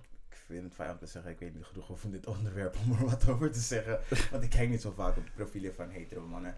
Ehm, maar wat ik hier wel erover kan zeggen is, de, ik denk dat het voor veel mensen, althans is dat is mijn eigen insteek, dus ik verwacht dat er meerdere mensen zijn die zo denken, is hoe meer informatie ik jou op front eh, geef, hoe minder er zeg maar verbazing is over wat je lichaam is. Want hoe, vaak heb je het wel niet, hoe vaak heb je het wel niet eens gehad dat je een, een date had en iedereen, iemand had niet zeg maar alle informatie eh, aan jou gegeven. En ook al heb je die foto's gezien, sommige mensen gebruiken foto's van 2009, 2002 en dan denken ze van, oh, I still Ja. look that way. Ik weet niet wie zo delusional is, maar ik, girl, you, you just change.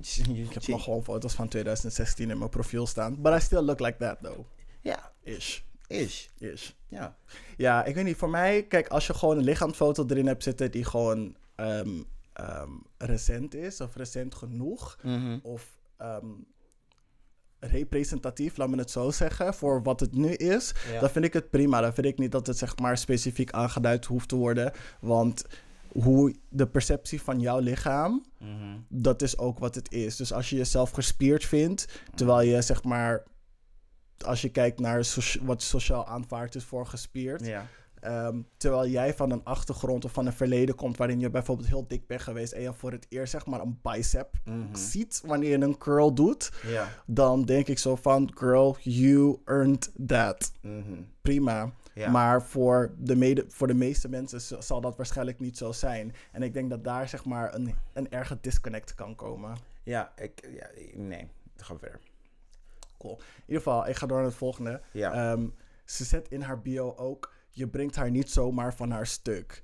En dat is echt zoiets van strong black woman, van why?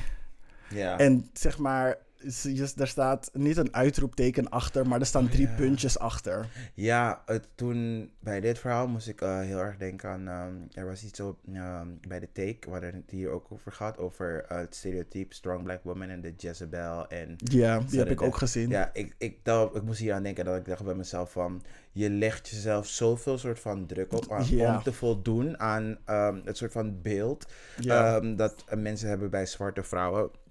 Dat ik echt bij mezelf denk van het is niet nodig. Maar ik, ik vergeet ook steeds bij mezelf te denken. Is ik wil niet zeggen dat ik super woke ben. Maar ik denk wel na wanneer ik zeg maar met mensen communiceer. En dan maakt het voor mij echt niet uit wat voor kleur je bent. Want ik weet. ehm, er zitten gewoon, je moet daar gewoon heel bewust mee omgaan. Want je, je praat met een mens. Je weet niet wat de persoon zijn struggles zijn. Mhm. Maar wat ik voor mezelf wel belangrijk vind, is dat ik geen stereotype word. Ja. Ik wil geen stereotype worden. En, maar daarnaast moet ik ook niet uh, verloochenen wie ik echt ben. Because Mhm. girl, I love chicken. En ik, ik ga niet beledigd zijn als je tegen me zegt van... Oh, ik ga wel beledigd zijn als ik je niet ken. Zeg ja, all black people love chicken. Ja, Ik ga denken it. van... Oké girl, you don't know all the black people. Maar in mijn geval klopt het wel. Dus dat, ik had het ook in mijn oude Tinder-account. Ik hou van kip en ik ben serieus. Maar dit verhaal heb ik volgens mij al een keer verteld... dat ik uiteindelijk eindigde met een guy in de KFC voor onze eerste date. Oh my god, ja. Ja, inderdaad. Maar goed, ik vond zeg maar het heel typerend weer dat ze dan zei van je brengt haar niet van haar stuk. Ik kreeg ook het gevoel van omdat er vol slank stond dat ze zeg maar een soort van muur had opgebouwd vanwege onzekerheid. En dan met die drie puntjes erachter, je brengt haar niet van haar stuk. Drie, puntje, puntje, puntje. Dat maakt het direct, dat zwakt het direct af. Zeg maar die kracht die je dan erin Zo zet. van die, denk ik. Ja, inderdaad. Ja. Maar goed. Ehm, ze zei ook iets over het belang, over dat ze de, dat ze de juiste ondergoed aan had. En daar moest ik echt over, lach, over lachen, want het is echt zo'n ding dat voor gays en vrouwen heel belangrijk is. Het belang van juiste ondergoed aan hebben. Oké vriendin, jawel hoor. You have to look good in the underwear. Ja, maar echt, zeg maar, bij gay mannen, je onderbroek is zeg maar een soort van statusding. Ja. En daarnaast is het ook zeg maar een indicator naar andere mensen van ik ben een gaytje. Want de band van je onderbroek vertelt best wel veel over wie je bent als persoon, zeg maar, on- in de gay community. Kijk, iedereen kan een Calvin Klein aantrekken. Ja, dat vind ik je, heel, dat vind ik je alvast heel basic. Laat me dat wel. Dat vind je sowieso. basic, je zorgt voor jezelf, maar je bent basic. Dat is true. Mhm. Ehm, als, Als je, een Aussie bum aan hebt, dan weet je al van, en het is duidelijk te zien, dan weet je al van, deze girl is ready to mingle. Je says ready to mingle, ze is, ze is klaar voor die turn-up. Ja, Als je all that ass aan, aan hebt, denk je van oké, je bent een beetje nationalistisch, but you're, you're okay. Maar die print, mm, ik moet op jou letten. Dat denk ik Mm. meteen van, ik moet op jou letten. Als je Bjorn Borg aan hebt, ben je veel te jong in je hoofd. Girl, precies. En Say in real life. Say it for the people in the back. Als je. Bjorn Borg nog steeds aan hebt, ik, ik zie jou vriendin. Jij, jij gebruikt nog dingen. Hoe noem je dat? Die, die, die stadspas voor onder de 18. C- CEP-pas. Ja, je gebruikt die CEP-pas. Ik gebruik het nog. Ehm, even kijken. Dan heb je natuurlijk ehm, de girls die jockstraps, jockstraps aantrekken. En als je een girl, in Girl. een jockstrap spot, A hoe is a hoe is a hoe is a hoe. And I promote you. yes, wap. Yes, bitch. Eh, en dan hebben we nog eentje. De, de, circuit, de circuit merken zoals eh, Addicted, Uh, cell, AS. cell, cell, block 13. Cellblock 13. Dat soort merken. Als je die, die aantrekt, weet je van... Ik ga alleen met homo's om. Ja. Ik ga alleen met homo's om. oh, ga verder. Yes. Stop. Die hele onderbroekanalyse. En als je dingen draagt, hoe heet het? Ehm Maar dan aan um, sloggy, granted to the book. dan ben je family man. Yes, bitch. Je bent Maar granted aan het boek, dat zegt wel inderdaad wel, dat het wel belangrijk is wat voor ondergoed je aantrekt. inderdaad. En voor vrouwen snap ik het ook wel. Ik bedoel van, als je opeens ondersteboven in de club hangt en iemand ziet je onderbroek of er gebeurt iets waardoor je opeens in je onderbroek staat of je bent op het strand en jullie gaan dingen of je belandt gewoon een op het andere moment bij iemand thuis en je doet je onderbroek omlaag. Welke onderbroek je aan hebt, zegt heel veel over wie jij bent als persoon. En ook als je onvoorbereid bent. Dat gebeurt heel soms. Maar ik heb best wel wat situaties gehad waarbij ik denk van... Oké, ik moet wel even net een onderbroek aantrekken, want het is zo'n avond van... It can be a whole turn-up. Of dat ik denk van, ik kom net uit werk en het is totaal uit de hand gelopen. Dus woensdag, het is half drie en we zijn in de exit. En hij moet het er maar mee doen of ik ga naar huis, want die onderbroek die ik nu aan heb... Is not it. Is not it. Ja, oké. Cool, nou. Even kijken. Ehm, en er kwamen ook een paar. Even kijken. ehm, oh ja. Haar naam. Ryan. En het is niet zeg maar op de normale manier geschreven. Zeg maar R-Y-A-N. Eh, nou, Normaal. Zeg maar de meest ehm, herkenbare manier. Ehm, het is echt R-A-I-Y-E-N. Because y'all know black people be creative met apostrof, leestekens, gewoon koude hele alfabet benutten. Is, is onze eerste freedom die we als eerste hadden. We mogen zo creatief zijn als we maar willen. Dus dat. En het is altijd te lezen, altijd te zien. Ja, bitch. Really, het is zo'n microaggression als je iemand zijn naam verkeerd uitspreekt. Vooral als die persoon het al een keer voor je heeft uitgesproken.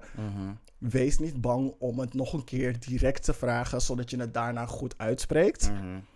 Maar we gaan het je niet vergeven als je het daarna nog steeds verkeerd blijft uitspreken. Het is echt een, een microaggression. Ja, ik heb liever dat je tegen me zegt van ik weet niet hoe ik je naam moet uitspreken. Of ik heb moeite met je naam. Dan dat je gewoon denkt van oh het is maar Gertrude of zoiets. Ja, inderdaad.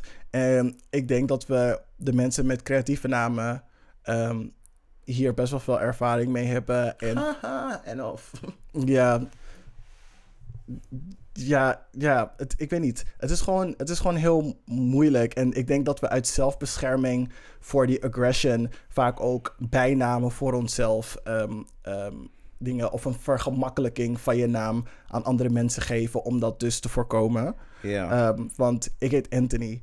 En je zou denken, ja ik, ja, ik heet Anthony. Mhm. En je zou denken van, oké, dat is best wel een makkelijke gangbare naam. Dat zou, Mhm. zullen mensen niet verkeerd zeggen. Maar mijn naam is in het Nederlands drie verschillende manieren uit te spreken. Anthony, Anthony, et cetera, et cetera. Eh, Ze hebben allemaal een andere spelling. Mhm. Dus ik vind het, ik persoonlijk, het is zo'n erge microaggression als je tegen iemand zegt, hi, ik Anthony. En die zegt, oh, hoi Anthony. Dat ik denk van, girl, girl. I just told you three seconds ago. Niet eens two seconds ago, split. Eh, dus daarom zeg ik tegen iedereen, noem me Tony. Want Tony kan je niet verkeerd uitspreken. Mhm. Ik denk dat heel veel van ons dit ook hebben. Mag ik, mag ik daar, mag ik Ja, daar graag. Even, eh, mag ik even inhaken op die? Ik zelf, omdat ik je niet zo noem, Ja. ehm, vind ik het... Ik, in het begin vond ik het heel irritant dat je zelf Tony noemde. Dat ik echt dacht bij mezelf van, dit is... Ik snap, het zit in je naam en het kan wel, maar girl, ze doen maar moeite om je fucking naam uit te spreken. Want, I know. eh, I mean, like, bitch, als je Dostoevsky kan leren, dan kan je ook Carla Anthony leren. Dus dat, Dostoevsky is niet zo moeilijk. I mean, Maar Chernobyl's... Girl, al die Oost-Europese namen waarvan je denkt van... Oké, Bridge is echt... Piotr, Ja, Joao. als je Jullie spreken het allemaal goed uit. Ja, als je best daarvoor kan doen, kan je... Bij jou zijn er nog koude veel klinkers. Doe je koude best, bitch. Dus dat ding is, het is iets dat ik al vanaf jongs af aan doe. En weet je, mensen constant moeten ah, verbeteren op het feit dat ik niet Anthony of Antoni heet. Het is gewoon, op een gegeven moment wordt het gewoon moe. En dan geef je ze gewoon iets dat gewoon niet fout kan gaan. It's bad, but it's, it's what I do. Weet je, dat ze je eerst gewoon Anthony noemen. En dan wanneer ze niet opletten en jullie zijn aan het neuken, dan kreunen ze Anthony. En dat je denkt van, girl, met wie ben je aan het neuken? Is Nami. Sorry hoor, de persoon is niet hier hoor. Nee, dus dat. eh, Je moet, je moet even opnieuw bellen. Ja, dus dat. The Ja. person you have tried to reach is non-available. Mhm. Ehm, Oké. Ehm, en dan, ja, zeg maar een leuke vertakking hierop. M- mensen wiens naam in het Surinaams Mhm. iets grappigs betekent. Of tenminste in de taal die jij Van, spreekt. dat taal van herkomst, Dat iets, ja, dat, dat dat gewoon iets grappigs betekent. Mhm. Want zeg maar, er is een chick hier in het boek waar ze het over heeft. En ze heet Mhm. Sabi. Hey. En Sabi is snap je Mhm. in het Of Surinaams. weet je. Of Of weet je. weet je, ja, Ja. inderdaad. It's to comprehend. Ja. En, ehm Yes, bitch. To comprehend. ja, wel, bitch. en er zijn namen waar ik soms best wel bij moet lachen. Zoals Tori. Ja. Weet je hoeveel chicks er zijn die Tori heten? Ja, nee, maar ik heb... het is ik- gewoon een normaal... Ik heb dat best wel vaak, hè. Ja. Want ik had zo'n eh, vriendin van een van mijn beste vrienden. Die heet dus Juke. Ja, Ik is gewoon een Friese naam. Zo grappig. Toen ik dat voor het eerst hoorde, ik was in Barcelona. Ik heb echt de eerste drie minuten zo hard gelachen. En toen vroeg ze, me, waarom, Waarom lach je? Bitch. Bitch. Toen dacht ik bij mezelf, toen heb ik er uitgelegd. Maar zij, omdat ze ook eh, in Amsterdam studeerde, heeft ze het dus vaker gehoord. Want ze is heel veel Surinamers tegengekomen. Dat ze van, en ik was op een gegeven moment, ik voelde me opgelaten. Ik dacht van, ik ben nu gewoon je naam aan het uitlachen. Maar omdat ze het vaker heeft gehoord, was van, oh ja, ik snap het al. Ja. Want ze wist nog niet dat ik Surinaams was. Oh ja. Ja. ik had het dus dat ik zeg maar ehm, bij de deur werkte van een club. Mhm. En die jongens gaven dus ehm, de gastenlijst door. Mhm. En ik was die namen door aan het lezen. En ik zeg, Joeke, ik ga stuk. Dus iedereen was aan het lachen. Ook zeg maar die twee guys die me die gastenlijst hadden gegeven. Was aan het lachen. Zeiden ze zo van... Ik vroeg aan ze van, weten jullie wat Joeke betekent? Ze ja, steken. Iemand steken. en toen zei die ene jongen, ja, dat is mijn vriendin. En toen bleef ik staan van, wow. Is gewoon je vriendin haar naam uit te lachen. Zij nee, is oké. Ik lach er ook altijd uit. Dat. Taki. Taki is gewoon een Taki, Japanse... taki rumba. Ja, ik, het is gewoon een Surina... Is, het betekent praten, spreken. Het is gewoon een best wel voor, veel voorkomende Japanse naam. Aziatische naam. I get it. Mamio. Mamio, mamio, na yere, yere. en de Surinaamse gossip site. Ja. Zeg maar, gewoon, dat zijn Of een aantal... deken. Mamio is ook een deken. Dat ook. Maar het is niet zeg maar, nou in ieder geval. Dat zijn van die dingen waarbij ik denk van, oké, dat is fucking grappig. Dat dat gewoon langskomt. Dat dat, dat, dat een betekenis heeft. Ja, goed. Mhm. Dat zijn dingen dus waar jullie op moeten letten als jullie je kinderen eh, creatieve naam willen geven. Ja. Maar van Tjoeke snap ik het misschien wel, want het is is Fries. Het is oud-Fries. Yes, Friesland. Yes, cool. Ehm Next story? Eén laatste ding van dit verhaal. Sorry, bij deze had ik echt heel veel aantekeningen gemaakt. Ze ging dus zwemmen. Mhm. En die chick bij de boot vraagt: ehm, ehm, Spreek je Nederlands of Engels? En dat is ook een dikke microaggression van mij. Dus omdat ik er buitenlands uitzie, Mhm. dat ik getint ben, een person of color, exotisch voor sommigen. ehm, moet je de, waarom ga je er dan direct vanuit dat ik, ne- dat ik geen Nederlands spreek? Zeg het, ik zie je hele kop. Ja, kijk, bij die moet ik dan weer een streepje trekken. En dat komt puur omdat ik zeg maar, eh, we leven in Nederland. En omdat iedereen zeg maar eh, best wel heel veel mensen fluent zijn in Engels. eh, vooral in de Randstad. Ja, true. Snap ik dat ze in contact, in contact komen met zoveel mensen. Dat, ze bij, dat ze soms aannames doen, wat niet altijd oké is. Maar aan de andere kant neem ik voor mezelf als mens ook aannames bij andere mensen. En dat is zeg maar niet per se op zo'n vlak. Maar aan de andere kant, ik kan niet bepalen door wat jij beledigd bent. Dat kan ik niet bepalen. Snap ik. Maar over iemand die me vraagt van ben je Nederlands of Engels, dan ik vind al juist dapper dat je zegt, niet dapper, maar ik vind al zeg maar ehm, bewust dat je denkt van het is een mogelijkheid dat de persoon ook een andere taal spreekt. Ja, maar dat is denk ik meer, ik vind het meer consideration. Snap ik, maar die vraag stellen ze nooit aan blanke mensen, aan witte mensen. Zeg maar, die, ze gaan, tenminste bij witte mensen gaan ze er altijd vanuit dat ze Nederlands spreken, tenzij ze er heel, zeg maar, Oost-Europees uitzien bijvoorbeeld. Of zeg maar, Eh, ver, zeg maar, van Nederlands of ehm, Western-Europees. Heb je dat echt? Amerikaans. Niet? Dat je zeg maar soms witte mensen bij je komen en dan denk je bij en dan. Som, ik heb het gehad hoor. Ik heb het echt wel gehad. Ook toen ik zeg maar eh, in een club werkte. eh, heb ik ook gezegd, ik ging er gewoon vanuit, oh, die is Nederlands. Dus ik sprak gewoon Nederlands tegen haar. En het was Tegen een- witte en- en tegen het was een witte wit persoon. persoon, maar de persoon was hartstikke Engels. Of juist Ja, dat bedoel ik. dat de persoon eh, heel Engels eruit zag. En toen sprak ik Engels tegen persoon. Ze zei, ik spreek gewoon Nederlands. Ja, Zie je maar, dus- snap je? ja, maar witte mensen doen het. Gaan er 90% van de tijd vanuit dat een wit persoon gewoon Nederlands spreekt. Mhm. En bij mensen van kleur, dat dat. Ik, wil daar geen nummer aan zeggen, misschien 50-50, dat ze daarvan uitgaan Mhm. van hé, hey, ehm, die persoon spreekt misschien geen Nederlands. En ik vind dat je dan of in het Engels moet vragen: Do you speak Dutch? Mhm. Of er gewoon vanuit moet gaan dat die persoon Nederlands is. Want waarom ga je die persoon in het Nederlands vragen of ze Engels of Omdat Nederlands je in? Nederland bent, bitch. Je bent in Nederland. Nee, Ah, sorry. je bent in nee, Nederland, sorry. dus ga ik vragen... Als, je dan, als je dan wilt faciliteren naar die persoon toe, Ah. denkende dat die persoon geen Nederlands spreekt, waarom vraag je die persoon in het Nederlands of ze Nederlands Omdat je spreken? in Nederland bent. Nee, dan moet je vragen, spreek je Nederlands of do you speak English? Dan moet je beide vragen. Ja, Maar maar, je bent ze in- vraagt, je maar ze alleen, Nederland. ze vraagt alleen, spreek je Nederlands of Engels? Dan denk ik echt zo van, nee, dan ben je gewoon hinderlijk aan het doen. Dan mag je echt opdonderen. Maar dat is mijn microaggression. Ik denk Ja, nee, dat, mag, iedereen, dat, dat mag helemaal. Dat ik denk dat helemaal. iedereen het met me eens is, maar ik vond dat eh, echt zoiets van, ugh, girl. Die, ach, kom maar. eh, ach. Ja, het is echt weer zo'n ding van... eh, could Oké. you? Het volgende verhaal is een nietig klein geheel, een volledig potentieel van Esther Duisker. Ja, Esther. Yes. En dit verhaal was zo nostalgisch. Uh-huh. Want ze vertelt het vanuit ehm het perspectief van een Surinaams eh, persoon. Dus het gaat om een klein kind, waarschijnlijk tussen de 10 en de 15, Mhm. denk ik.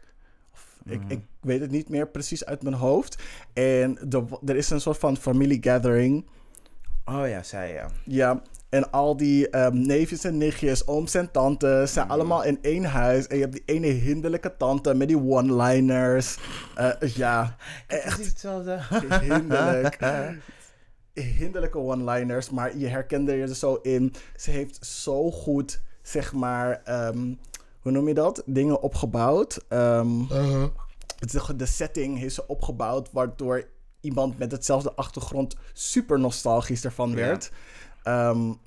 Weet je, toen ik het verhaal zat te lezen, zat ik ook gewoon bij mijn oma thuis met mijn hele familie. Mhm. eh, met de neefjes en nichtjes afgezonderd in tantes kamer. Dat Ja. we allemaal aan het bijpraten zijn, want we hebben elkaar een tijdje niet gezien en zo. Grappig, ja. Het was echt gewoon super, super herkenbaar. Goed dat, je, echt... goed dat je dit zegt, want ehm, zeg maar, het, ehm, Esther Duisker, ehm, toen je zeg maar dit verhaal las, ik kon me zeg maar heel goed erin vinden. En Mhm. de manier hoe ze aan het schrijven was, van, oh, dit is zeg maar super herkenbaar. En dat vond ik het fijnst. Ja. Want ik dacht, en toen heb ik er dus opgezocht. En wat blijkt, ehm, zij heeft zeg maar de bewerking gedaan van Othello. Eh, ken je dat? Othello is van Shakespeare in Love. De Shakespeare, ja. Het is een Shakespeare. Shakespeare verhaal, ja. Ja, en dat was dus in, ehm, in, eh, in de ITA, in de International Theater Amsterdam. Mhm. En dat heb ik toen gezien. En ik had eh, die versie van 2018 had ik gezien. En die Othello 2 had ik ook gezien. Mhm. In, ehm, ook in op dezelfde plek. Mhm. En ik dacht van, oh my god, het is zo relatable. Want hoe ze dit heeft geschreven en hoe ze de scene, scene writing had gedaan voor dingen, is ook super goed gespeeld. Dus als, je ooit, als het ooit weer terugkomt, ga kijken. Othello is echt wel goed. Ja, lijkt me wel nice. Zeg maar, op de manier inderdaad, zoals je zegt, dat ze dit heeft opgebouwd. Als ze dan zo'n klassiek verhaal in deze setting kan brengen. Dat Mhm. lijkt me echt wel leuk om een keertje mee te maken. Ja.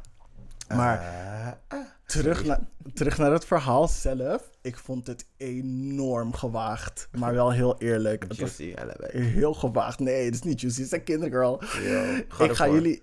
Tell them all thing, everything. Ja, ik weet niet. Die kinderen, ze zijn jong. Ze zijn ontdekkende naar hun lichaam en hun seksualiteit. Mhm. En ze is wat ze beschrijft, zeg maar, dat kinderen zeg maar ook gewoon nieuwsgierig zijn naar ehm, hoe hun lichaam werkt, of het hetzelfde is bij anderen, ehm, hoe het lichaam van het andere geslacht werkt, dus bij het neefje en niet alleen het nichtje. En op een gegeven moment waren dus twee nichtjes, waarvan degene, een of de hoofdrolspeelster, die tussen de 10 en de 15 is, samen met een andere nichtje en een neefje, die zitten dus in oma's kamer. Mhm. En die gaan dus zeg maar gewoon hun lichamen verkennen, met elkaar zoenen, zeg maar over elkaar heen wrijven. Wordt ook gewoon verteld dat neefje stijf wordt. Het- is een heel gewaagd verhaal, maar ik Mhm. denk dat velen het wel herkenbaar gaan vinden, omdat velen zeg maar deze ervaring hebben gehad. Misschien niet met eigen familie, maar met vriendjes, vriendinnetjes, whatever. Nou, ik zal, eh, je gaat verder. Maak je verhaal dan spring ik daarna in. Ja, ik denk dat iedereen, zeg maar wel zo, nou niet iedereen, maar heel veel van ons eh, op een jonge leeftijd met andere vrienden of familie, zeg maar van dezelfde leeftijd, zeg maar een nieuwsgierigheid naar elkaar toe hebben getoond, waarbij je zou denken van, oeh, eh. Maar oké, je bent jong, dus er zit niks achter. Het is gewoon een soort van kinderlijke nieuwsgierigheid. Ehm, ehm, ja, Ja? ja, voordat ik verder erop inga, please. eh, Oké. Nou, het zal jou eens verbazen hoeveel mensen zeg maar een eh, seksuele ervaring hebben met een familielid. Ehm, en dat komt vooral voort uit het ehm, hele ding, dat komt echt van vroeger. Omdat heel veel mensen zoiets hadden van, over seks praat je niet, Mhm. je mag over je seksualiteit niet hebben. En kinderen zijn van, gewoon van nature schierig. Want als je ouder wordt, eh, ga je hormonen een beetje spelen. Je krijgt steeds meer Mhm. secundaire geslachtshormonen komen erdoor. Allemaal dingen waarmee je niet te maken hebt. En heel vaak, dat was vroeger en het is nu nog steeds wel een beetje.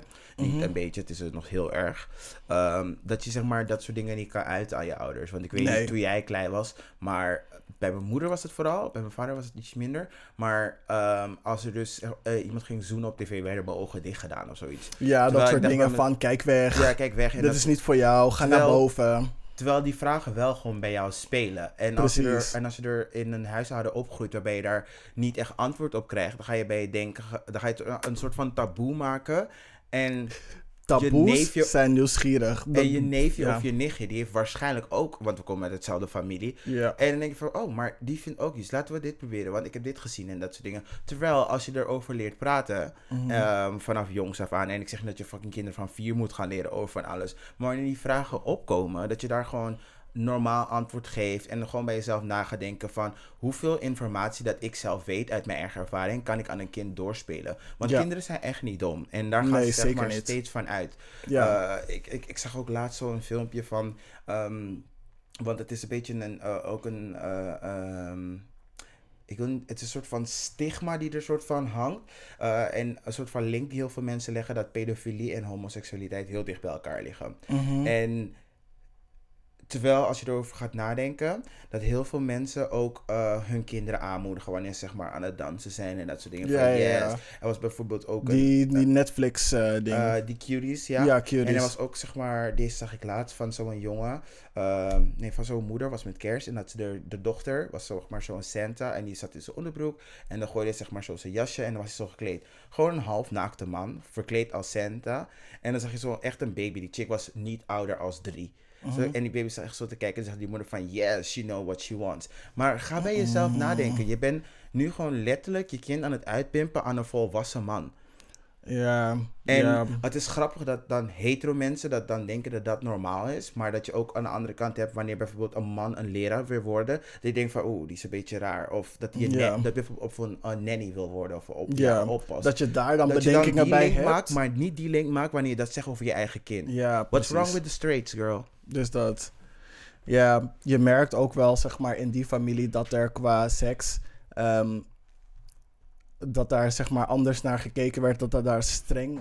ehm, ja, een soort van gedachten aan werden overgehouden. Door al die kerkelijke re- reliquieten. die, zeg maar, worden beschreven in het verhaal. Van Mhm. boven het bed hangt er een kruis van Jezus. Er staan heel veel beeldjes van Maria, bla bla bla. Mhm. En trouwens, in het verhaal wordt die oma met Maria Magdalena vergeleken. Mhm. Terwijl die oma zeg maar heilig moest overkomen. Ik dacht, volgens mij maak je hier een verkeerde vergelijking. Want I Maria mean, Magdalena was die ho. Ze was die ho. Misschien bedoel Misschien, je Maria. misschien bedoelt ze het wel. Nee, want het was die andere tante. Die hinderlijke tante met die one-liners. Zij was die Maria Magdalena. Sowieso. Die, Ja. tante, die tante die de grootste bek heeft in je familie, die is waarschijnlijk gewoon die van, hey, she's been places. Ja, She's been places. Tante, ik zie je. yes. Maar dit brengt ook het- zeg maar een Ik heb tante belangrijke... Murielle in Rotterdam. hè. Hinderlijk. Die vrouw, hè. Maar dit brengt ook zeg maar een belangrijke discussie naar boven van... Mhm. Ehm, wanneer vind je dat voorlichting op ehm, school moet beginnen? Ehm, ik kan voor school niet echt zeker bepalen. Ik kan alleen voor me- in mijn eigen huis. Daar heb ik het meeste regie. Mhm. Ehm, dus dan denk ik eerder dat ik zeg maar in mijn eigen huis, zodra een kind een vraag heeft, en of Mhm. het nou vier jaar oud is, of het nou zes jaar oud is, of het nou negen is, zodra zeg maar zo'n vraag komt, moet het gesprek plaatsvinden of zoveel mogelijk antwoord geven in de richting eh, van oké, zo en zo. Mhm. Op school, ehm, Wan- Wanneer denk je, zeg maar, als jij kinderen zou hebben op school, wanneer denk jij dat jij eh, zou willen dat school daar aandacht aan besteedt? Laat me de vraag anders stellen. Ehm, ja, als ik heel eerlijk ben, er zijn, omdat ik weet dat meisjes gewoon heel vroeg eh, volwassen worden. ehm, ja, 8, 9. Rond 8, 9 mag het voor mij al echt al beginnen. Ja, Ja, ik had hetzelfde op de basisschool, ja, al vanaf groep 5 of zo. ja, Groep 4, groep 5 mag er echt wel aandacht aan gegeven worden. ja. En ik vind dat er, dat er ieder jaar, zeg maar vanaf groep 5 naar boven, echt wel aandacht aan besteed mag worden. Misschien een paar dagen, misschien een week. Maar dat het, zeg Mm. maar, met iedere klas die ze omhoog gaan, het niveau van ehm, Er steeds meer bij informatie. komt, inderdaad, ja. ja. dat het misschien wat ehm, minder abstract is. Mhm. Dat er inderdaad meer bij komt. Ja. ehm, dat alles wat duidelijker is. Want mensen, kinderen op de basisschool, zeg maar al vanaf de kleuterklas, zijn al zeg maar nieuwsgierig naar elkaar aan het doen. Vriend, ik had een vriendin hoor, in groep 4, ze heette Tanja. We gingen doodtongen op het ding, op, op, eh, op een schoolplein. Het was echt mijn girlfriend, we gingen gewoon lopen voordat ik überhaupt wist wat gay was. Snap je? Dus zeg maar, hoe jonger je ermee begint, wel zeg maar op de juiste toon voor Tanja die kinderen, leeftijd. Huh? Tanja heeft nu kinderen, als we samen waren gebleven was ik nu vader. Ik ga stuk. dus de mate van.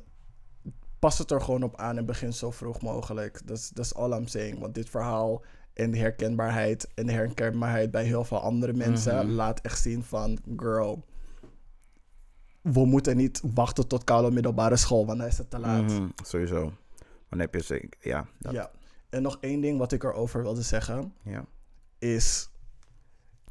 Ja, dus nog één laatste ding van het verhaal. ehm, dat echt ook typerend is voor black people. Misschien. b- gewoon wanneer je pak slaag krijgt en je krijgt bij elke lettergreep krijg je gewoon die tik. Heb ik je niet gezegd dat... Huh? Hey. Weet je wat hinderlijker is?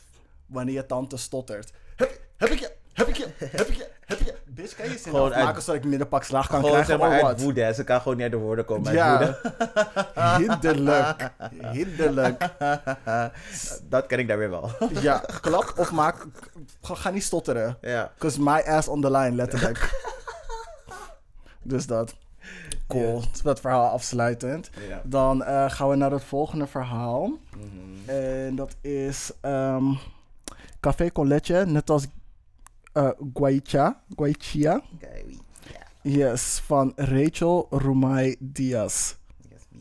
En ik moet zeggen, ik heb hier niet heel veel aantekeningen bij gemaakt. Niet omdat dit niet een herkenbaar verhaal is, maar ehm, het laat je gewoon ehm, weer even herinneren van ehm, people, like the diaspora. Het is zeg maar zo breed.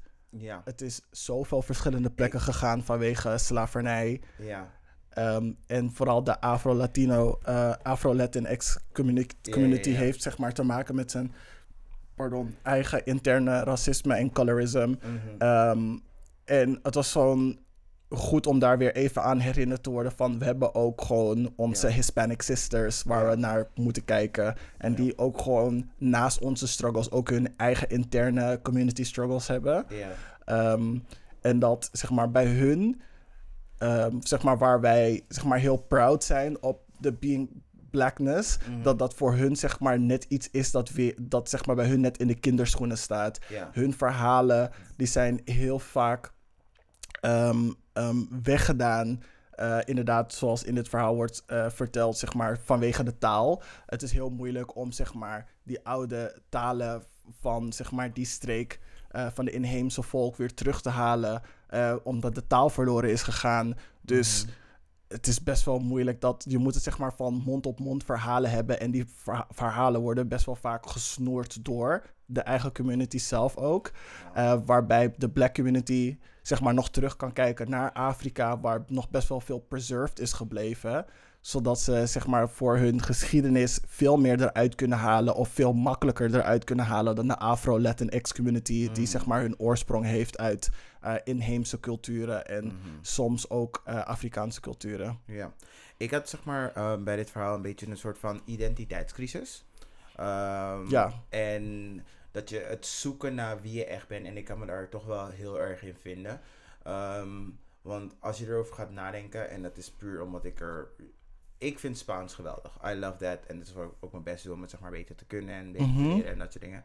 Maar ik snap dat het dan wel een beetje moeilijk is als je dan en eh, deel uitmaakt van een volk die één is uitgemoord. Mhm. En nog deel bent van een volk die is gestolen. Waarbij uh, geschiedenis heel veel eh, bijna is uitgewist. Mhm. Waarbij je niet eens weet uit welk land je komt. Dat je Mhm. daar een, eh, nu, er zit wel geschiedenis achter al die jaren van slavernij. Mhm. En nu moet je dat jouw ding gaan maken, want dat is wie je bent. En dat je Ja. daar niet helemaal uit kan komen.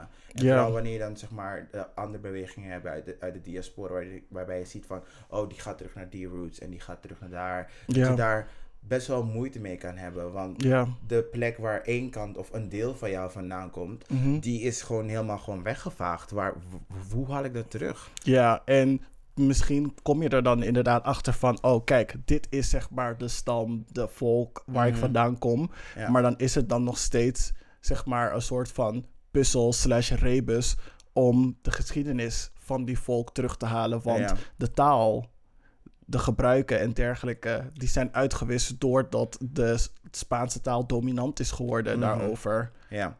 God damn it, Europeans. Girls. Haha. Dan gaan we nu naar het laatste verhaal. Mhm. Weet je waarom gekooide vogels zingen? En dit is natuurlijk een... Ik vond deze titel zo mooi. Ik heb Ja. hier echt, ehm, omdat het komt puur omdat ik een, een stuk heb gedanst eh, in 2019 was het. Heb ik Mhm. een stuk gedanst met een eh, choreograaf Dalton Jansen. En die had een stuk daarvoor gemaakt, die heet dus Birds.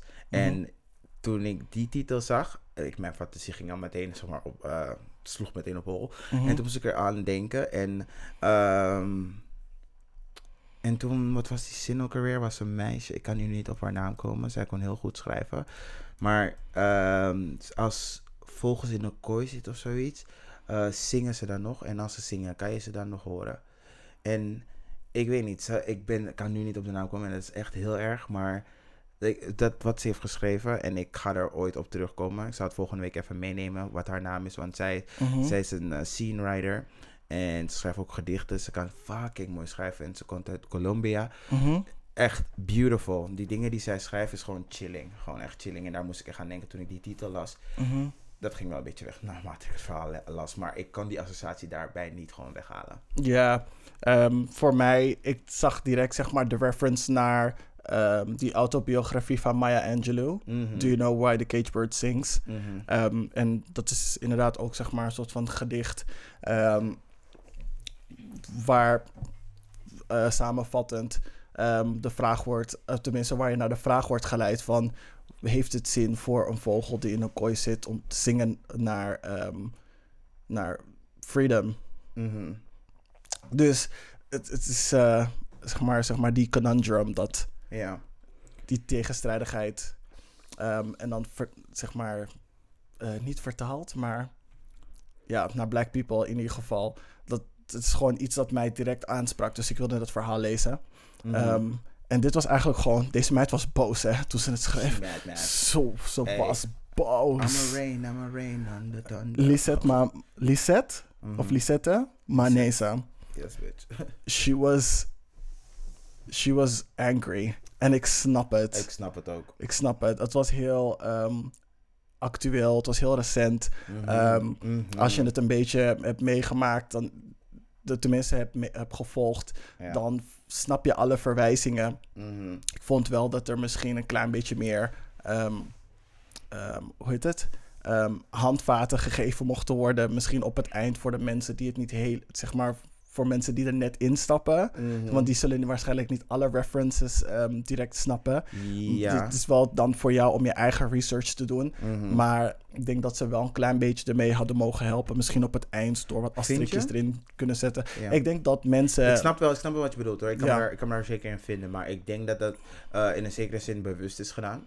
Want de mensen die het niet weten, of Mhm. zeg maar meer zouden willen weten, Mhm. als je interesse echt is gesparkt, dan moet je daar gewoon echt naar op zoek gaan. Want de misconceptie is ook heel vaak is dat wij mensen moeten leren over eh, wat de struggles zijn waar, waar we doorheen gaan. Dat, dat je zeg maar zelf moet gaan uitleggen, oké, dit is waarom we gekwetst zijn. Vriendin, even goed dat het mijn geschiedenis is, is het ook jouw geschiedenis. That's true. En, en dat is zeg maar, dat, want als je op school leert over ehm, eh, de Tweede Wereldoorlog, Mhm. het is mijn geschiedenis, maar het is ook jouw geschiedenis. True. Het is net zoals dat iemand uit Drenthe, die zou ook gewoon moeten weten van de slavernij zat er zo en zo en zo in elkaar. Ik weet dat het niet zo is, want ik heb in, zelf in de Mhm. Randstad zeg maar zo een half gebakken uitleg gekregen. Het is dat ik beter weet van mijn familie en zo. Ja, Maar true. het mensen heel vaak, vooral witte mensen, hebben heel vaak dat ze denken van, oh dat is niet mijn geschiedenis, ik mag me daar niet in identificeren. Vriendin, jawel. Ja, jawel, het hoort ook erg. bij jouw geschiedenis. Want go back down the line. Ergens zitten er een paar witte mannen die in mijn stamboom zitten. En als, die zitten er niet voor niks. En die komen 100% uit Overijssel. Zo kom ik aan mijn Franse achternaam. I mean, I mean, is ook jouw omo. Dus dat. Maar ehm, ik vind wel dat wij als black people, ehm, people of color, als we zeg maar witte mensen tegenkomen of non-POC people.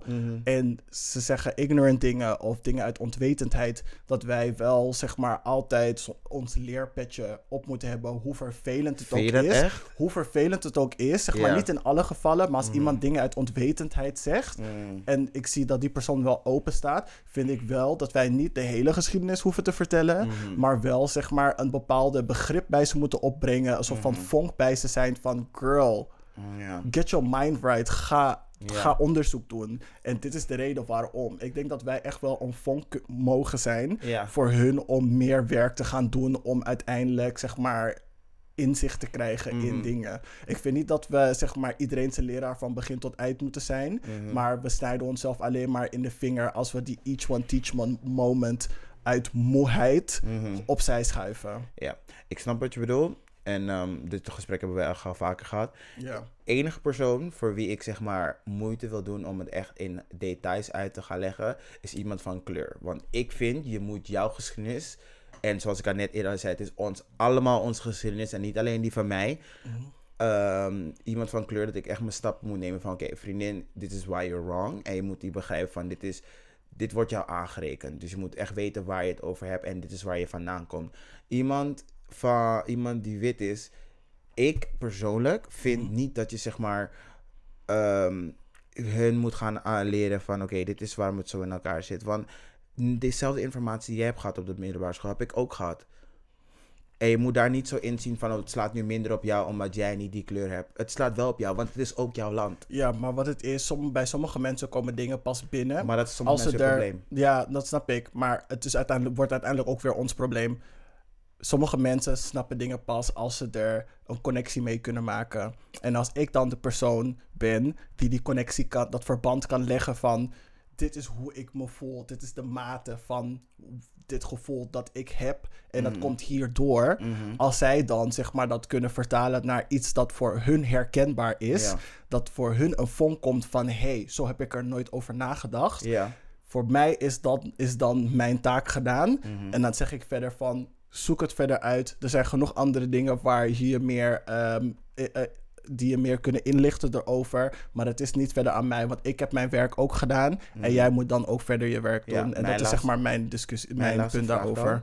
Vind je dan niet dat het dan weer terugslaat op het eerste geval dat je hun wil faciliteren om alle informatie te gaan geven? Nee, dat is, dat is anders. Zeg maar, ik wil het hun niet gemakkelijk maken. Want het feit dat ik hun vertel hoe ik me voel, dat maakt mij kwetsbaar Mhm. en hun ongemakkelijk. Het is wel de bedoeling dat er een gesprek start, dat, de, dat zij zich op een bepaalde manier gaan voelen, zodat zij zich, bes- nou niet bezwaard voelen, maar dat zij een dingen krijgen om, een drang krijgen, een, een epiphany, een, een vonk bij overslaat om daar beter over te gaan nadenken, om meer informatie te gaan opzoeken over dat onderwerp. Dat is zeg maar hetgeen dat ik wil teweegbrengen. Dat ze gaan praten, dat ze gaan zoeken, dat ze gaan researchen. Niet zozeer dat ze door mij ingelicht worden, Mhm. maar dat ze gaan snappen dat ze niet op, deze, op dit punt waar ze nu zitten in hun onwetendheid kunnen blijven. Mhm. Dat is voor mij het Cool. doel. Als je het zo verwoordt, dan ben ik het met je eens. Yes. Ja. Ja, soms komt er een beetje meer werk bij dan dat ik wil, maar ik, ja, that's it.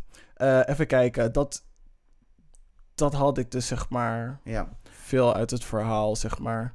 Ja. Ehm, ja, Heel, heel cool. kort. Ehm, ja, dit heel, die verhalen die we hebben gelezen, misschien moet ik het... ehm, ik vond sommige dingen heel erg geslaagd, kon ik me heel erg in mee identificeren, zoals ik al eerder zei. Mhm. Ehm, sommige wat minder, want dan vond ik het een beetje ietsje moeilijker, want ik kan me niet precies, net zoals het eerste verhaal ik zei van... Ja, van ik die kan me daar niet zo echt in vinden. Mhm. En ik kijk niet eh, eh, op, eh, op die manier naar bepaalde dingen. Uh, maar ik zie wel een soort van lijn die erin zit. Ik had denk ik wel voor de andere opbouw gekozen. Maar dat kan ik alleen maar met voor sure zeggen als ik alle andere verhalen ook had gelezen. Ja. Dat het dan misschien een, een beetje een soort van logischere lijn voor me was. Maar omdat ik nu gewoon vijf Ja, dat- verschillende verhalen heb. Ge- ja, en ja. die verhalen lagen niet achter elkaar. Ze waren- verspreid Precies. door het boek heen. Dus er zat Um, misschien... maar al met al een goed boek. En wil je meer weten over. ehm, gewoon just, wil je gewoon je hersenen activeren over diaspora? Ga het lezen. Afrolit. Het is echt fucking interessant. En, ehm, Yes. Samengesteld door Dalila Hermans en Ebice Rauw. ehm, yes, bitch. Yes, Ebice, onze grote vriendin van Dipsaus. Mhm. Nog een keer een enorme dankjewel naar uitgeverij Pluim voor het eh, verzenden van deze boeken naar ons en onze vrienden bij uitgeverij eh, Pluim. Ja. En als laatst moet ik zeggen, ik ben positief verrast. Ik ook. Jullie hebben me weer aan het lezen gekregen, dat sowieso. Yes, Want ik hou wel van lezen. En daarnaast vind ik, ben ik eigenlijk trots dat dit zeg maar in onze gedeeltelijke boekenkast is. Maar dit is wel een boek waarbij ik denk van, dit is echt een toevoeging aan, Ja. Aan mijn boekenkast. ja. En ik ben zo'n persoon, ik, ik, als ik in iemands huis kom, dan check ik mensen hun boekenkast. Want hun boeken zeggen veel over wat voor pers- soort persoon ze zijn. En als je geen boek hebt, judge ik je ook. Ja, dat ook vooral. Maar als iemand dus datzelfde idee heeft en nu door mijn boeken kijkt en dit boek ertussen zit, is, eh, Mhm. ziet en een gesprek daardoor start, Mhm. dan is zeg maar het, het, het eerste is al gedaan. Dus Ja. ik vind het best wel tof dat dit nu eh, ertussen zit. Dus thanks guys. Yes. Alright.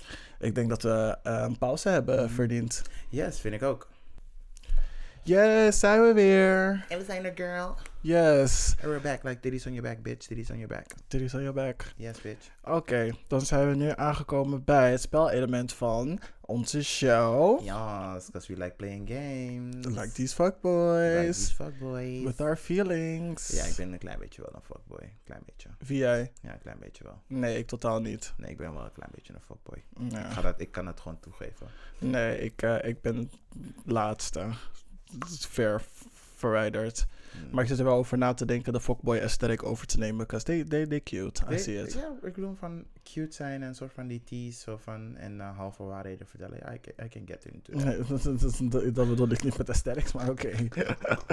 anyway, Stop cool. telling on yourself. Yes.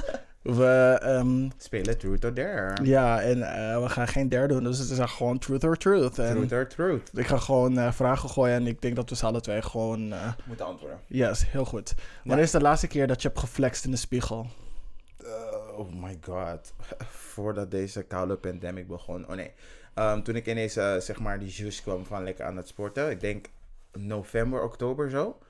Ja, toen, was, toen vond ik mijn lichaam er weer een klein beetje eh, op 2019 beginnen te lijken. Toen dacht ik van oké, Mhm. girl, we're going somewhere. En ja, nu lijk ik op een koude pot mayonaise, dus nee. Oh. Eh, even kijken. Ik moet eigenlijk op mijn Instagram kijken de laatste keer dat ik heb geflext in de spiegel. Eh, gewoon echt van, girl, kijk mijn spieren. Look at me, bitch. Ja, Get into me. Even kijken, eh, wanneer was dat? Eh, Oeh, we gaan ver terug hier. Dat was 28 december 2016. The girl flex more. ja, dan moet er wel iets te flexen zijn. Eh, wanneer, You is de laatste what? keer, Your words, not mine. wanneer is de laatste keer dat je hebt gehuild? Oh, girl. Girl. I... Afgelopen weekend? Ja, afgelopen weekend is de laatste keer dat ik heb gehaald. Same, same. Gewoon manisch gehuild, als in letterlijk gewoon Ja. alle demons uit mijn lichaam geschreeuwd in een jank. Ja. En het deed zoveel pijn. Ik heb nog nooit zoveel pijn gevoeld tijdens Ja. het huilen. tijdens en daarna. Dat was Mhm. echt heftig. Ja, ik, eh, ik zeg altijd van, weet je, ik ben een beetje een huilenbalk. Maar ik denk dat het zeg maar meer komt omdat ik ehm, net iets meer met me, eh, in contact sta met mijn gevoelens over hoe, ik me voel. En dat is niet altijd zo geweest. hoor. Ik wil niet zeggen dat het al. Want sowieso voor eh, zo'n vijf, zes jaar geleden was ik ook best wel, zeggen a cold bitch, om het daar maar zo te zeggen. Maar sinds school, mijn afgelopen opleiding, mijn dansopleiding, ben ik zoveel meer in contact gekomen met mezelf. Dat ik gewoon nu Mhm. vaker het gewoon laat gaan. En natuurlijk, ik heb vorig jaar best wel veel shit meegemaakt. En het jaar daarvoor ook. Mhm. Ehm, en ik heb van mijn eh, psycholoog geleerd gewoon van, weet je, het beste wat, eh, wat je kan doen is dingen eruit laten wanneer ze komen. En ze niet opzoeken per se. En ehm, ja, gewoon just let it out wanneer het komt. En neem gewoon momenten voor jezelf om echt na te denken en te reflecteren waarom je zo voelt. En waar het vandaan komt precies. Dus Mhm. ik huil best wel veel. Ja, Ook nee. om stomme shit hoor. Daar niet van.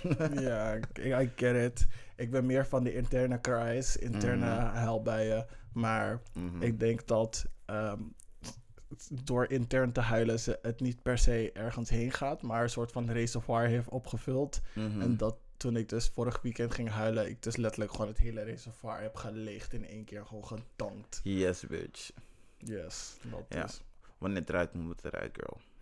Wat is een fysieke eigenschap of feature eh, van mij dat je niet leuk vindt? Ehm, Een fysieke eigenschap, hè? oh, fysieke eigenschap. Niet leuk vindt. Ik mag jouw ass niet, bitch. College jealous. Fuck you. Ik wil het ook. Tafels, een extra tafel in de club. Heeft iemand een extra tafel besteld in de club?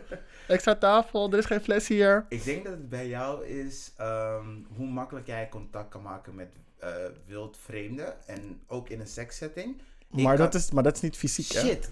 Dat is niet fysiek. Nee, fysiek heb je niet iets waarop ik zeg maar denk van, oh, ik mag jou niet. Mm, nee. Ik wilde zeggen dat ik misschien wat lichter was, maar nee, nee, echt niet. Ehm, fysiek, fysiek, fysiek. Oh, ik zou wel wat langer willen zijn. Ja, toch ja, ik wel? denk dat ik het wel cute zou vinden als ik wat langer zou zijn. Dan kon ik zeg maar meer echt voor die, voor die, voor die top vibes gaan. Gewoon van yes. Lol, je lengte heeft niks te maken met je Jawel, maar dan ben je gewoon die guy. Dan ben je gewoon van, hey bitch, doe het rustig hè. Hey. Lol. Kan je, kan je die bottom zo choken zo, hey. Kan ook als je klein bent. Ik heb ook kleine bottoms gehad die mij gingen choken. dat ik echt denk van, Bitch, oké, what the fuck is at dat? you. Wat een kleine, wat de Look at plops, you choking me de op een kruk. plopsaland is going on. Ja, de kleine- vijf telefoonboeken om bij mijn nek te komen. Maar Nee. you doing it. Nee, Oké, ik look het at you. jou meer, niet iets fysiek, maar dan echt wel meer ehm, qua sociale dingen. Ik wou dat ik net iets, eh, net iets charismatischer was. Dat ik gewoon met mensen ehm, kan connecten op die manier en minder gaan nadenken over, over seks. En in- ik ben al best wel vrij, moet ik eerlijk zeggen. Maar jij kan je daar net wel wat minder over druk maken dan ik erover doe. Ja. Dat was eigenlijk mijn volgende vraag. Oh, noem, een noem een persoonlijkheidskenmerk van de andere die je, wist, die je wou dat je ook had. Oh, je bent best wel heel grappig, ook wanneer ik niet wil dat je grappig bent. wanneer ik echt denk van, bitch, focus. Ja, ik, wat ik van jou goed vind is dat je zeg maar je vrienden goed eh, zeg maar dicht bij je weet te houden. Dat je een goede tijd en energie stopt aan de mensen eh, waarvan je denkt dat die het verdienen. Mhm. Ik ben daar best wel slecht in. Ik hou echt. Ik zou echt voor sommige mensen kogels vangen. Voor Mhm. sommige mensen in mijn kleine teen. Voor andere mensen in mijn hart. Mhm. Maar ik ben niet heel goed, zeg maar, in constant die energie hun Steken, kant op ja. sturen. sturen. Nee, sturen, ja. Nee, dat is beter. Ja. Ja. Oh. Ehm, Het is vermoeiend. Dat je het Yes. even weet. I know, I know. Het ziet er echt heel vermoeiend Het is uit. echt vermoeiend. Eh, maar Oké, ik doe het graag. yes. Ja. Hoeveel sextoys heb je? Geen. I know, ik weet dat je echt niet van de Young Silicon Crew bent. Maar vriendin, ik vind dat ik het echt moet gaan doen. Maar ik ben dus bang. Dat, stel je voor dat ik iets dus vind dat me gewoon echt gelijk ligt. Dat ik gewoon, omdat ik meer met mannen wil dealen. Omdat ik dus mensen echt gewoon haat. Dat ik echt denk van, oh Mhm. weet je wat? Fred is echt mijn mattie. Fred is echt mijn mattie. Fred is dan de dildo, de fictieve dildo. Ja, waarom deed hij Fred? I don't know. Het kwam gewoon maar op. Fred. Fred is gewoon mijn girl. Oké, Ja. ja, oké. Ik ben dus wel van de Young Silicon Crew. Ehm, ik heb iets van wat? Vijf. Vijf of zes Mhm. dildo's en een flesjack. En. Ja, kokringen tellen niet echt. Nee, nee. Oké, cool. Dat. Ja. Yes. Ehm, wat is het laatste waar je, waar je op hebt gemasturbeerd? Oeh, Raheem Shabasso OnlyFans. Oh. Oh. Dood, dood. Sorry, hij... Die mannen die hij naar binnen haalt... sorry, dit was die 10 euro echt waard van die daddy. Het was het echt waard. het was het echt koude waard. Yes, bitch. Nee, het laatste waar ik op heb gemasturbeerd is incest porno. Oeh, I don't want to know more about that. Let's move on. Oké. Wat is je grootste turn-on? Armen. Armen. Ik weet niet waarom, maar... Gespierde armen of gewoon armen in het algemeen? Nee, gewoon gespierde armen. Als ik mijn ex, zeg maar, als, ik hem, eh, als hij zich klaar aan het maken was. En hij was een beetje, zeg maar, zo aan het flexen. Ik was meteen turned on. En ik weet gewoon, als ik zeg maar naar hem toe zou lopen. En hem, zeg maar, van, oh, ik ben geil dat hij boos zou worden. Dus ik moest altijd, zeg maar, in silence gewoon sufferen. Dacht van, mm. Maar ik werd echt ton toe geil, hè. Gewoon, like, ton toe geil. Wat? Ik ben wel gewoon echt een assman. Ik ben versa sowieso, Mhm. maar een grote, gigantische ronde ass. Gewoon. Thank you. Oh my god. Niet verliefd worden, bitch. Oh, gewoon van als hij per ongeluk iets zou oprapen van de vloer en het scheurt, zeg maar, zo dik is het en die broek is zo... st- Oh god, help me. Oké, ging een guy twerk op mijn lul, hè. Ik was klaar, vijf seconden. Ik zei, sorry, had je echt niet moeten doen. had je echt niet moeten It's doen. you. It's, oh, it's fucking It- you. It's not my fault. You asked, ja. Dat en grote areolen, gewoon grote tepelringen. Oh my god, nee hoor. Maar dat rondje eromheen en niet Ja, die ik, tepel ik zelf. weet wat de koude ding is. Oh my god, ik weet niet waarom. Laatste tijd, ik ben into nipple worship. Ik weet niet Uh-uh. waar, gewoon, let me suck on it. Get your mutant ass out of here. No, bitch. Jawel, boop boop, cool. Bring it to me. En laatste vraag. Wie is de most scandalous person waar je seks mee hebt gehad? Oeh, let me think. Mijn scandalous persoon met wie ik seks heb gehad. Ik moet ook echt nadenken over deze. Ik weet het echt niet. Gooi ik echt daar. Oh jawel. Waarbij ik, weet dacht van, oh, je bent echt too much. Of, nee, ik heb, ik heb meer nodig. ik weet- ik heb meer nodig. het. Wat? Eh, scandalous. Scandalous in de breedste, breedste zin van het woord. Ehm, ga, je, ga je maar als eerst. die ene guy. ehm, eh, ik wil zijn voornaam niet zeggen, maar het is nee, nee, nee, de grote. Zijn voornaam, dat is zijn voornaam.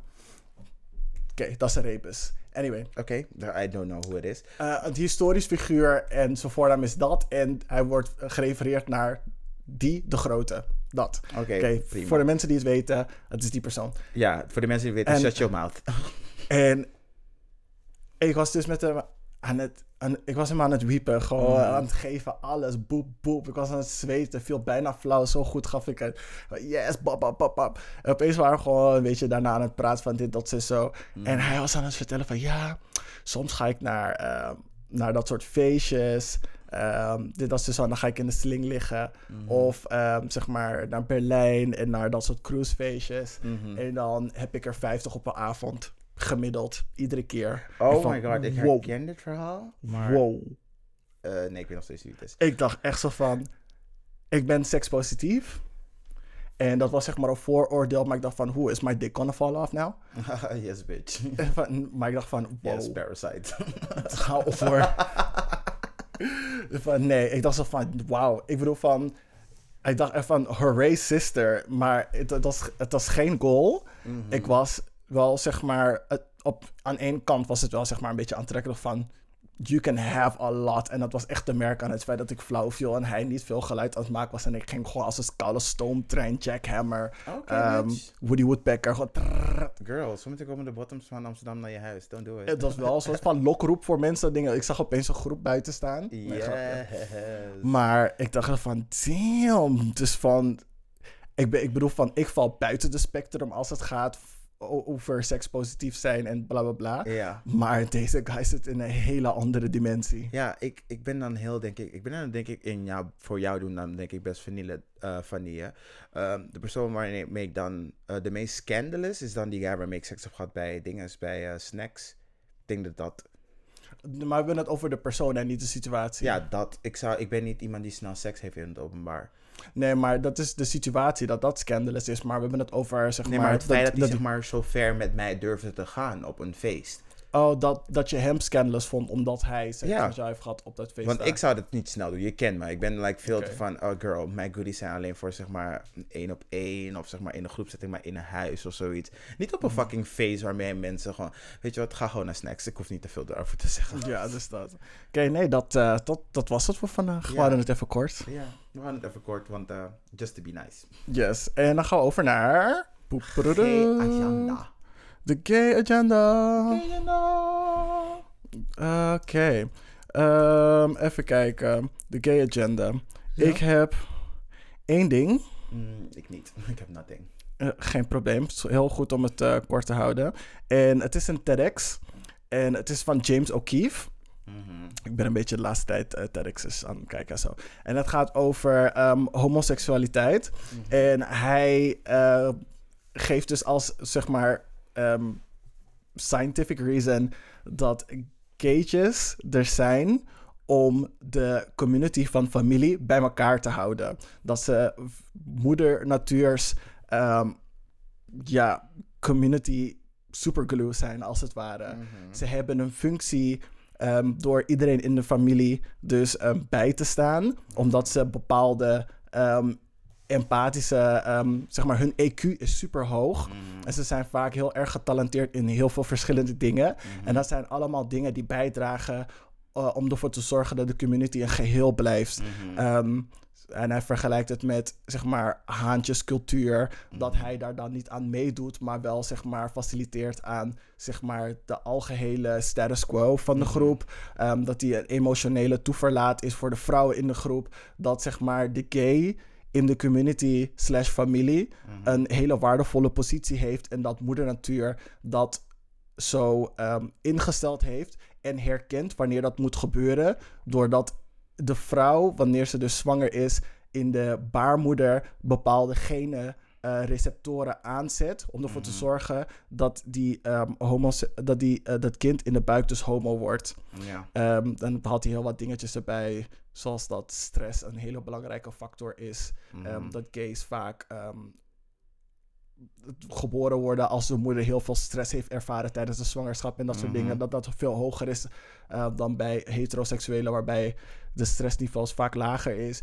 Bla bla Mhm. bla. Het is Ik heel snap, ik snap, ik, nee, maar ik snap wel wat je bedoelt. Ehm, Ehm, want als ik mezelf vergelijk met zeg maar, de mannen in mijn familie, ehm, dan kan ik me er best wel bij vinden dat ze veel ehm, meer openstaan tegenover mij en me dingen vertellen. Maar dat komt of dan omdat we samen zijn opgegroeid en Mhm. dat ze niet erg vinden om mij dingen te vertellen. En bij de vrouwen van mijn familie, dat ik juist wel een luisterend oor kan zijn. Vooral bij mijn zussen, dat we het zeg maar, erover kunnen hebben, Mhm. over issues waarmee ze zitten. Ja. Uh, behalve mijn ene zus, want die wil met niemand praten. Because ze is like zes keer zo erg. Ze is ook een maagd, maar ze is zes keer zo erg als ik ben. Dat ze niet te veel willen loslaten. Mhm. Ja. Ja, dat. Het is heel interessant.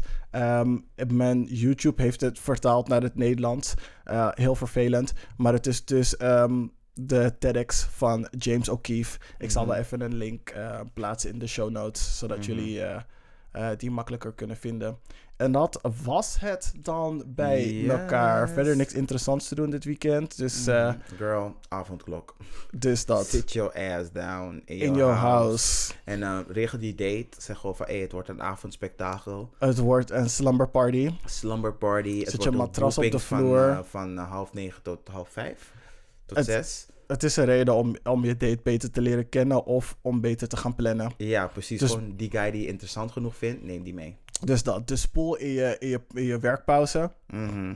En eh, ja, neuk tijdens etenstijd. En eh, daarna ga je dan pas koken. Of eh vraag om te blijven slapen. Yes, Because that bitch. ain't it. Yes, girl.